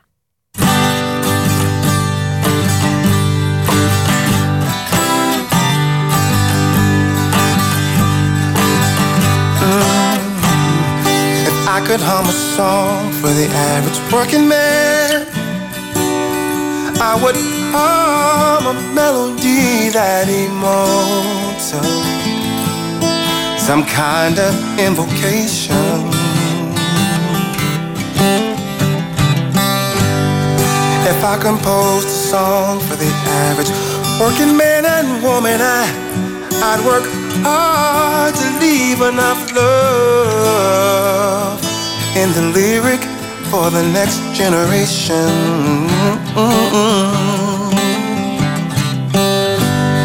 Before I'd sell a song to the average working man, I, I'd ask him with some real talk, face to face. What you're pulling these days, man? Do you even get your pay on time? Did the boss hand remember your faith in these hard times?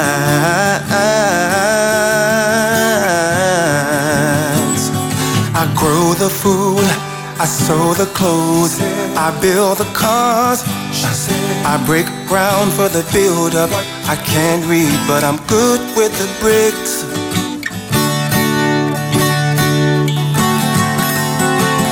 I deliver the goods. I teach in the schools. I stand guard by the prison walls of the hopeless. I'm stressed cause my interest ain't fixed. Well, I just want you to know.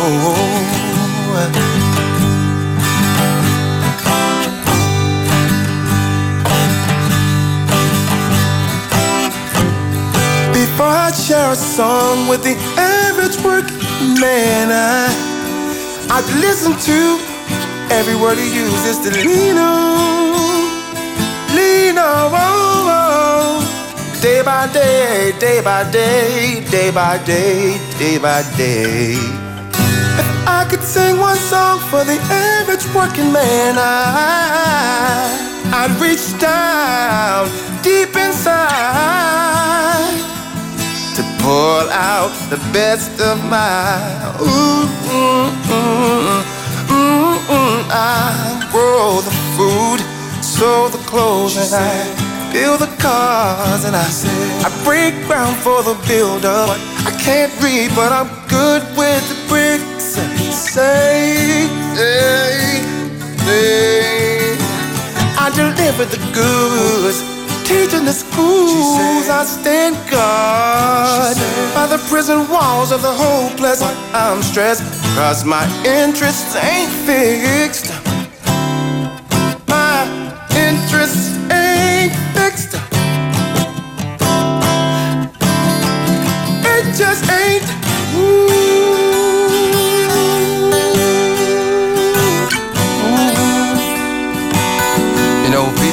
Sitting around talking about minimum wage, you know. People trying to live, man. Uh, living wage,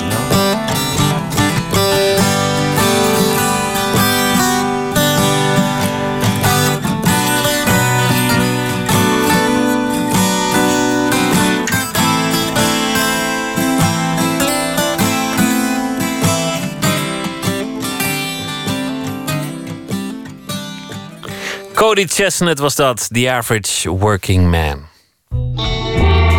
Nooit meer slapen.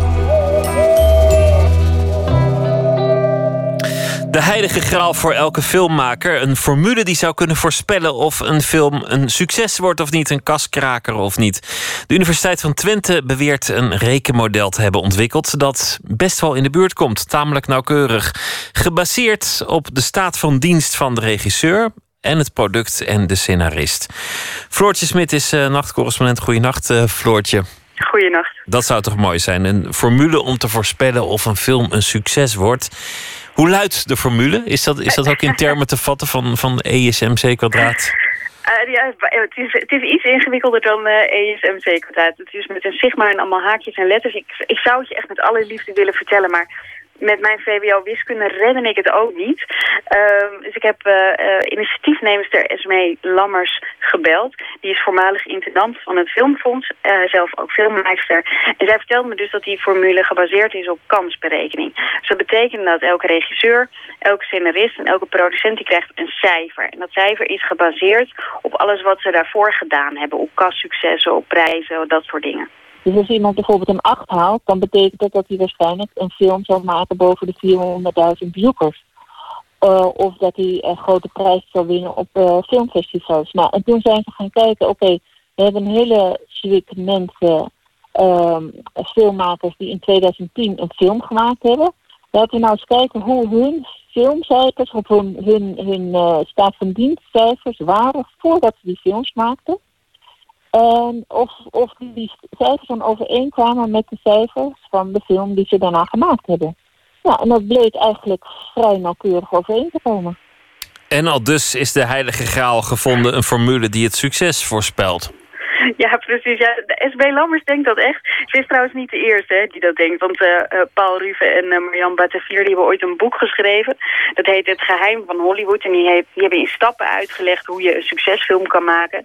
En uh, de Jong die heeft ook een voorspelmodel ooit bedacht. En die had verzonnen dat als je een leuke ster had... en een beetje een nationalistische film... een beetje doelgroepgericht... en dan het liefst nog gebaseerd op een boek of iets dergelijks...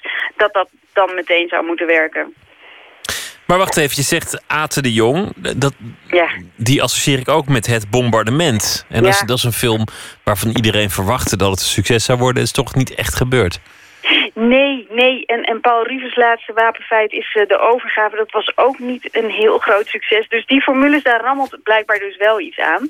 En eh, deze formule, deze wiskundige formule... die gaat dus eigenlijk helemaal voorbij aan, aan al het inhoudelijke. Het gaat niet om welke acteurs er zijn gecast. Eh, het gaat niet om het genre.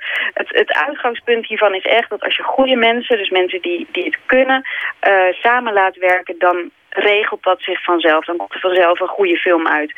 Ehm, ik heb er nog wel over nagedacht, maar het is niet omkeerbaar. Hè? Dus als je alle producenten en regisseurs met de negen bij elkaar doet... dat je dan dus automatisch een goede film krijgt. Want dat is, ja, blijft mensenwerk. Dus ja, als die mensen elkaar niet liggen, dan wordt het nog steeds niks. Maar hoe moet het dan met de mensen die zich nog niet bewezen hebben? Ja, dat is een beetje een dingetje. Je hebt, je nu film Gloekhoff, die is nu, eh, dat was een startende regisseur, startende producent, startende scenarist.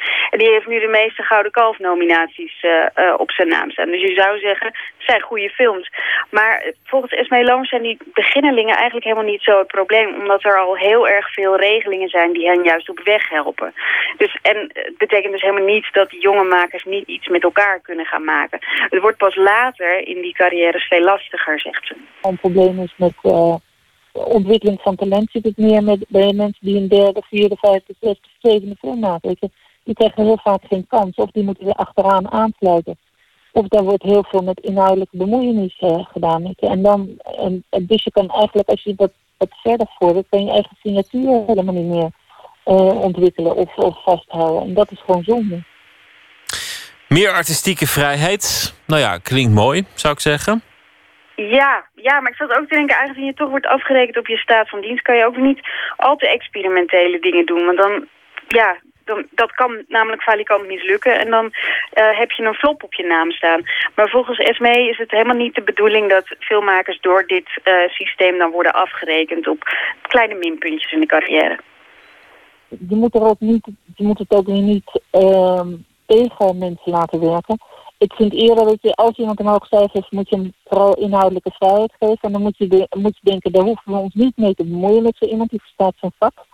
Dat is het eigenlijk meer. En als iemand niet zo'n hoog cijfer heeft, nou ja, dan krijgt hij benefit of the doubt. Of je vindt het project hartstikke interessant, of weet ik veel wat. Of je denkt, nou ja, het is niet altijd belangrijk dat je een groot publiek of filmprijs hebt. Het is gewoon belangrijk dat deze film gemaakt wordt. Weet je, er mag nog tal van andere redenen mogen meespelen om een film uh, te financieren of te ondersteunen vanuit de overheid. Wat vind jij ervan, Floortje?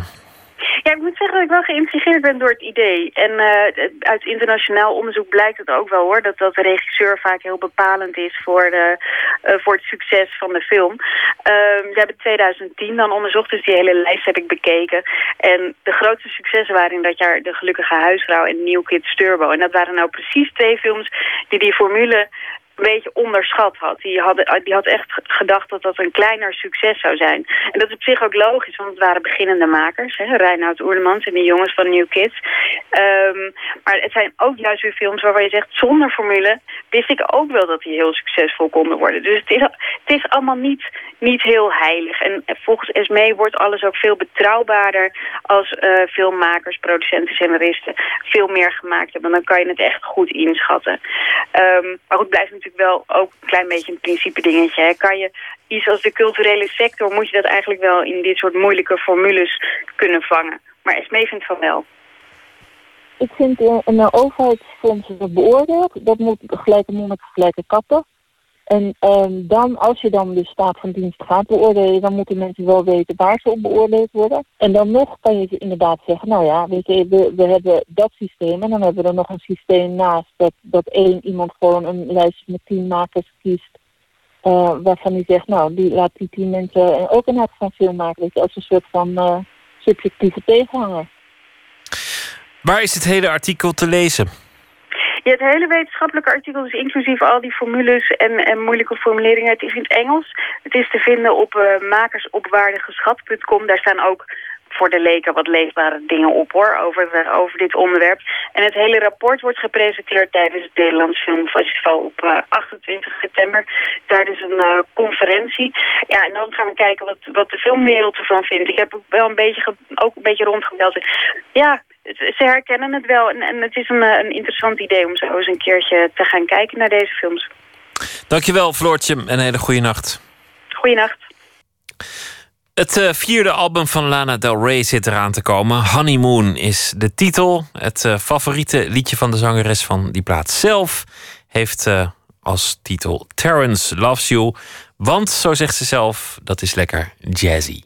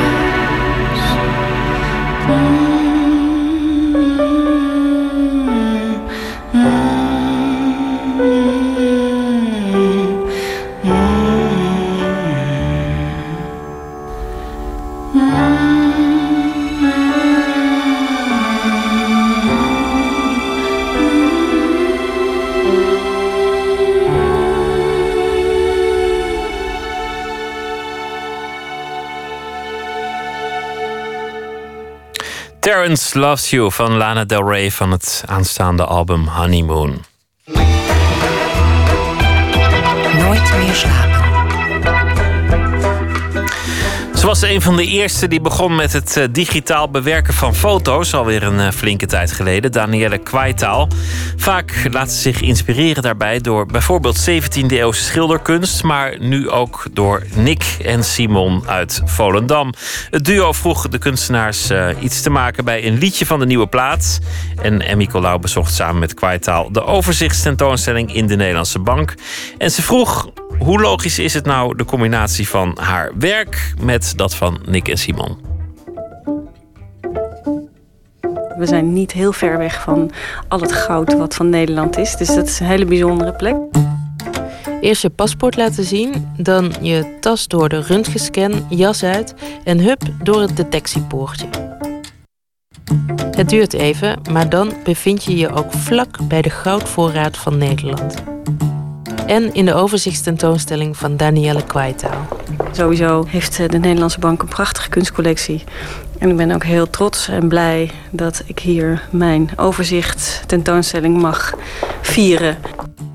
Haar werk mag zich momenteel beter beveiligd achten dan de nachtwacht. Gelukkig is haar werk zelf minder hermetisch. Wie de tentoonstellingsruimte betreedt, wordt omringd door feeriek zwevende onderwaternimfen, onschuldige meisjes van 12 met een kanten masker en foto's van duistere bloemstillevens die overdekt lijken met rook of spinrag, maar bij nader inzien onder water genomen zijn. Het is dit werk. Oh ja. Sepia-kleurig werk. Waarvan je, je ziet uh, een detailopname van handen en knokkels. Een van de eerste werken van Kwaitaal hangt ook hier. Nog analoog gefotografeerd, want in die tijd had je natuurlijk nog geen digitale camera. En dat kan je ook goed zien. De verschillende opnames zijn allemaal met een kwast op de paintbox in elkaar geschilderd. En dat was voor die tijd echt revolutionair. Mensen konden dit werk in die tijd ook eigenlijk helemaal niet plaatsen. Want die hadden zoiets van, is het nou een schilder is het schilderkunst? Is het fotografie? En uh, hoe moet het plaatsen? Hoe moet het beoordelen? Dus dat heeft eigenlijk best heel lang geduurd voor uh, uh, dit werk zijn plek vond. De Nederlandse bank is, zou je denken, vanuit de aard van het beestje een conservatieve instelling. Maar hun kunstbeleid is dat bepaald niet. DNB was een van de eerste bedrijven die werk van Danielle Kwaitaal aankocht. Kwaitaal was een van de eerste in de jaren 90 die begon met het digitaal bewerken van foto's. Toen was het, dat, dat, dat was, daar ging gewoon een hele wereld voor me open. Het was bijna een religieuze ervaring. Want ik had het was voor mij zo'n gevecht om een foutloos beeld te maken. Want toen maakte ik dus al mijn collages en mijn fotomontages met de hand. Totdat ik uh, uh, in 1991 in contact kwam met de Paintbox Operator. Wat was een Paintbox? Een Paintbox is eigenlijk een beetje de voorloper van Photoshop. Dat is de eerste computer waarbij je uh, fotografisch materiaal, dus dia's en negatieven, op hoge resolutie kon verwerken. En het was een enorme kast. Um, en... Ja, niet bepaald formaatje laptop. Nee, geen, geen uh, formaatje laptop. Nee, dat was, uh, die, die, die computer die nam een hele kamer in beslag... en die maakte een enorme herrie. En een gigantisch duur, dure machine... Uh, die voornamelijk werd gebruikt in de reclame-industrie... om ja, auto's op te strakken, borsten groter te maken... van de vrouwen die erop zaten. Nou ja, noem maar op. Gewoon puur in de commerciële zin van het woord. Dus eigenlijk helemaal niet voor de kunst... omdat dat gewoon veel te duur was. En hoe kon jij daar dan toch op werken als het zo duur was? Uh, ik had sponsoring aangevraagd. En hoewel die computer 24 uur per dag bezet was eigenlijk... Uh, hebben ze tegen mij gezegd... nou, je mag, mag in de nachtelijke uren mag je twee of drie uurtjes uh, mag je, je werk maken. En dat, nou, dat was natuurlijk voor mij helemaal fantastisch. Dus jij zat daar s'nachts met een soort tovermachine? Met een tovermachine, ja. En, en uh, helemaal vol adrenaline. En natuurlijk drie nachten niet geslapen. Want ik wist gewoon dat, dit, dat deze machine mijn leven zou veranderen. En ook de levens van heel veel anderen. Ja, van, de, van de, hoe van de wereld eruit ziet eigenlijk. Ja, ja. En dat, dat, uh, ja, dat, is een ervaring die je natuurlijk nooit meer uh, vergeet. En ja, wat echt de, de, de basis vormt van wie ik nu ben.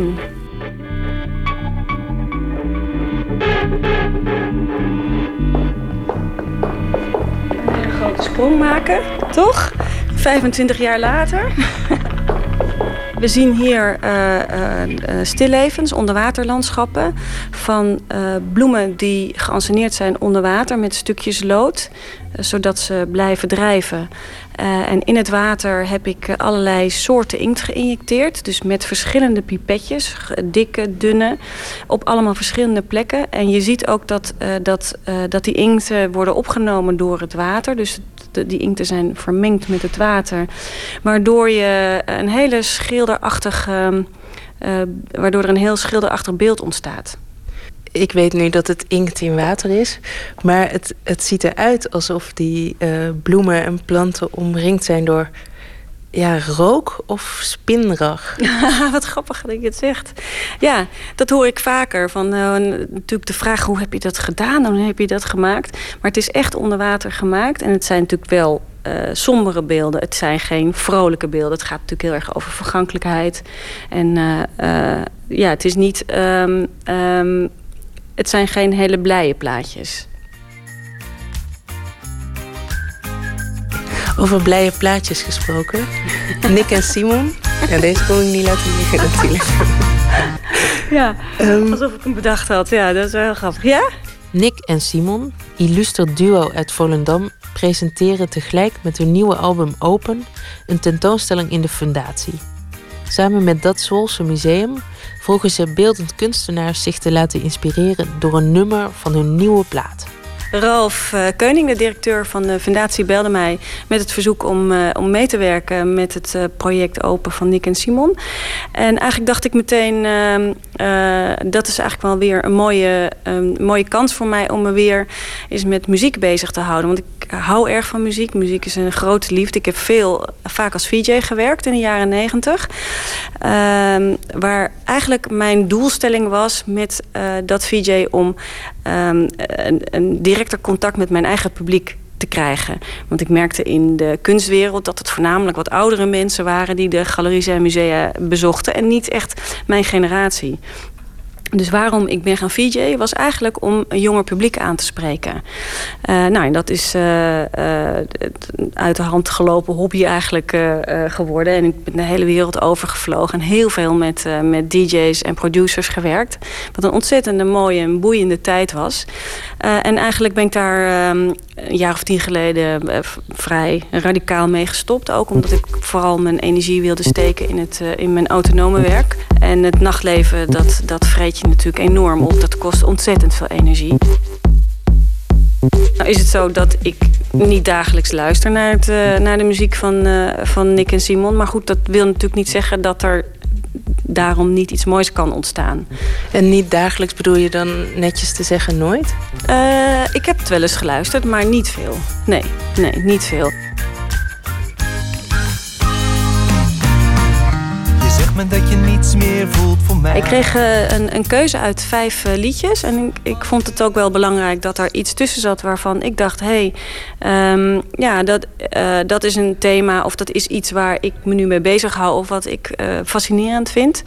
En daar zat één liedje bij wat het meest beladen liedje was. En dat heet Zonder jou. Zonder jou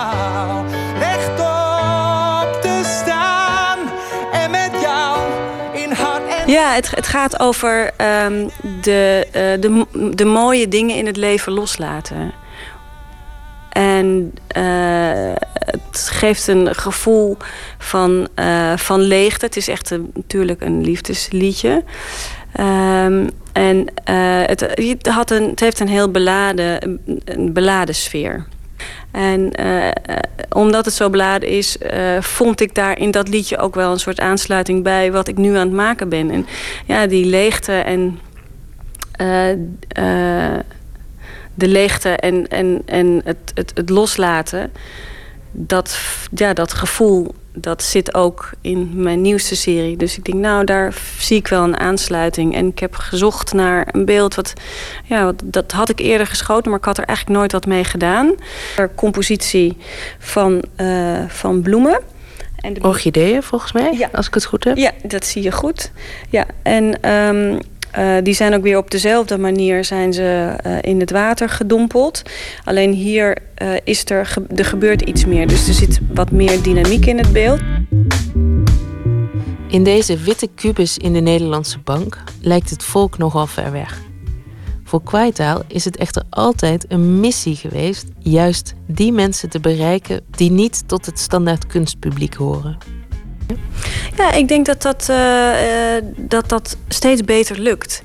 En daardoor- Toch moeten er steeds een beetje van die toren uitgehaald worden. Ik bedoel, het is toch een, een beetje een omweg om via Nick en Simon jouw werk te eh, leren kennen. Ja, de, de, als dat zo is, dan is dat zo. En dan heb ik daar vrede mee. Ik, ik vind eh, kunst en cultuur is voor onze samenleving van immens belang. Eh, al is het maar om, om eh, eh, te leren om vrij te denken. Want ik weet zeker dat het echt iets, iets bijdraagt, iets toevoegt aan een mensenleven. Ja, dus Ralf Keuning, ik sprak hem even aan de telefoon over deze tentoonstelling. En hij zei van ja, 13 miljoen Nederlanders bezoeken eigenlijk geen musea. En die wil hij bereiken. Ja. Eh, maar denken dus van nou ja, dan bezoeken die 13 miljoen mensen toch geen musea. Dat is te makkelijk, dat moeten we dus vooral niet doen.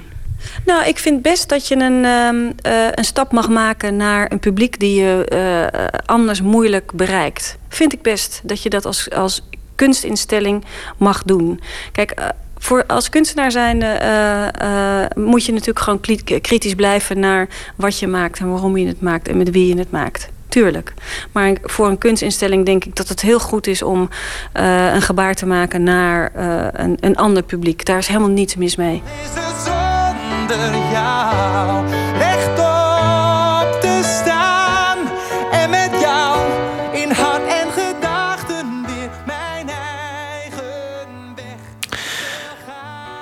De tentoonstelling van het werk van Danielle Kwaitaal is te zien in de Nederlandse Bank in Amsterdam. Denk er wel aan om je even aan te melden en te identificeren, want dat is verplicht. Want misschien komt u wel met hele andere bedoelingen dan de kunst. En in Museum de Fundatie in Zwolle zijn vanaf eh, eind deze week ook werken van Kwaitaal te zien. En ook van andere kunstenaars, geïnspireerd op het nieuwe album van Nick en Simon. We gaan luisteren naar eh, een man die normaal achter de schermen werkt. Heeft eh, platen geproduceerd voor Solomon Burke en Amy Mann. En eh, maakt ook gelukkig zelf prachtige platen. Uit 2009 een nummer van Joe Henry, The Man I Keep Hid.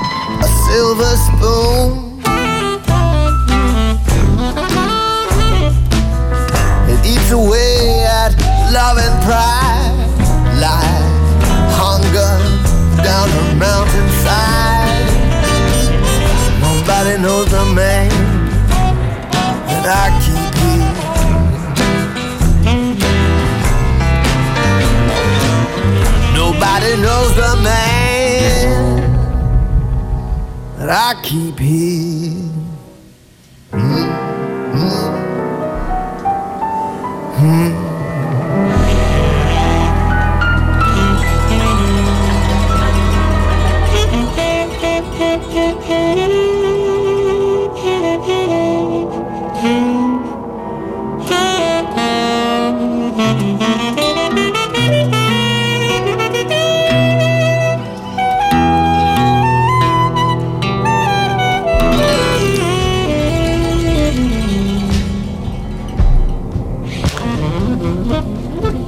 Album Blood from Stars, dat was eh, Joe Henry. Martijn den Oude is dichter en beeldend kunstenaar. Deze week zal hij elke nacht een favoriet gedicht uitkiezen en voordragen. En hij heeft eh, deze nacht gekozen voor een eh, titelloos gedicht van Lutje Bert.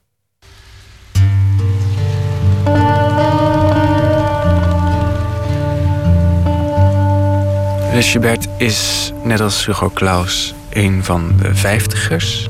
En de vijftigers spreken mij erg aan in hun werk. Het, eh, het naïeve in hun werk, het eh, proefondervindelijke schrijven. Dat is erg interessant, vind ik ook fijn om hun eigen werk toe te passen. En daardoor is Lucebert een van mijn voorbeelden. De oude wind beweent met as de gouden zee. Daarop traag en treurend drijft de dag weg. Het sterft, het streng en touw gesprek en een zucht verheft zich tussen de donkere doornen, wit schichtig, de tred van de maan. In de diepte en onder zwijgzaamheid trekken toekomstige handen naar het werk aan waters en aan de wortel. In wolken echter rusten nu overbodige ogen uit. Hun ijle vleugels sluiten alom in het sterstijve licht. Een titeloos gedicht van Lucebert, gelezen door Martijn den Oude, die morgen nacht weer een eh, gedicht zal uitkiezen en voordragen. Komt ook de Vlaamse schrijver en dichter Jeroen Teunissen op bezoek, meest bekend van zijn roman De Omwegen. En eh, we gaan morgen hebben over eh, Vlaanderen en de literatuur en het leven en allemaal belangrijke dingen. Voor nu een hele goede nacht en morgen een leuke dag. En ik hoop dat u morgen nacht weer zult luisteren. Zometeen kunt u luisteren naar Kees Dorrestein met Top Radio. Goeienacht.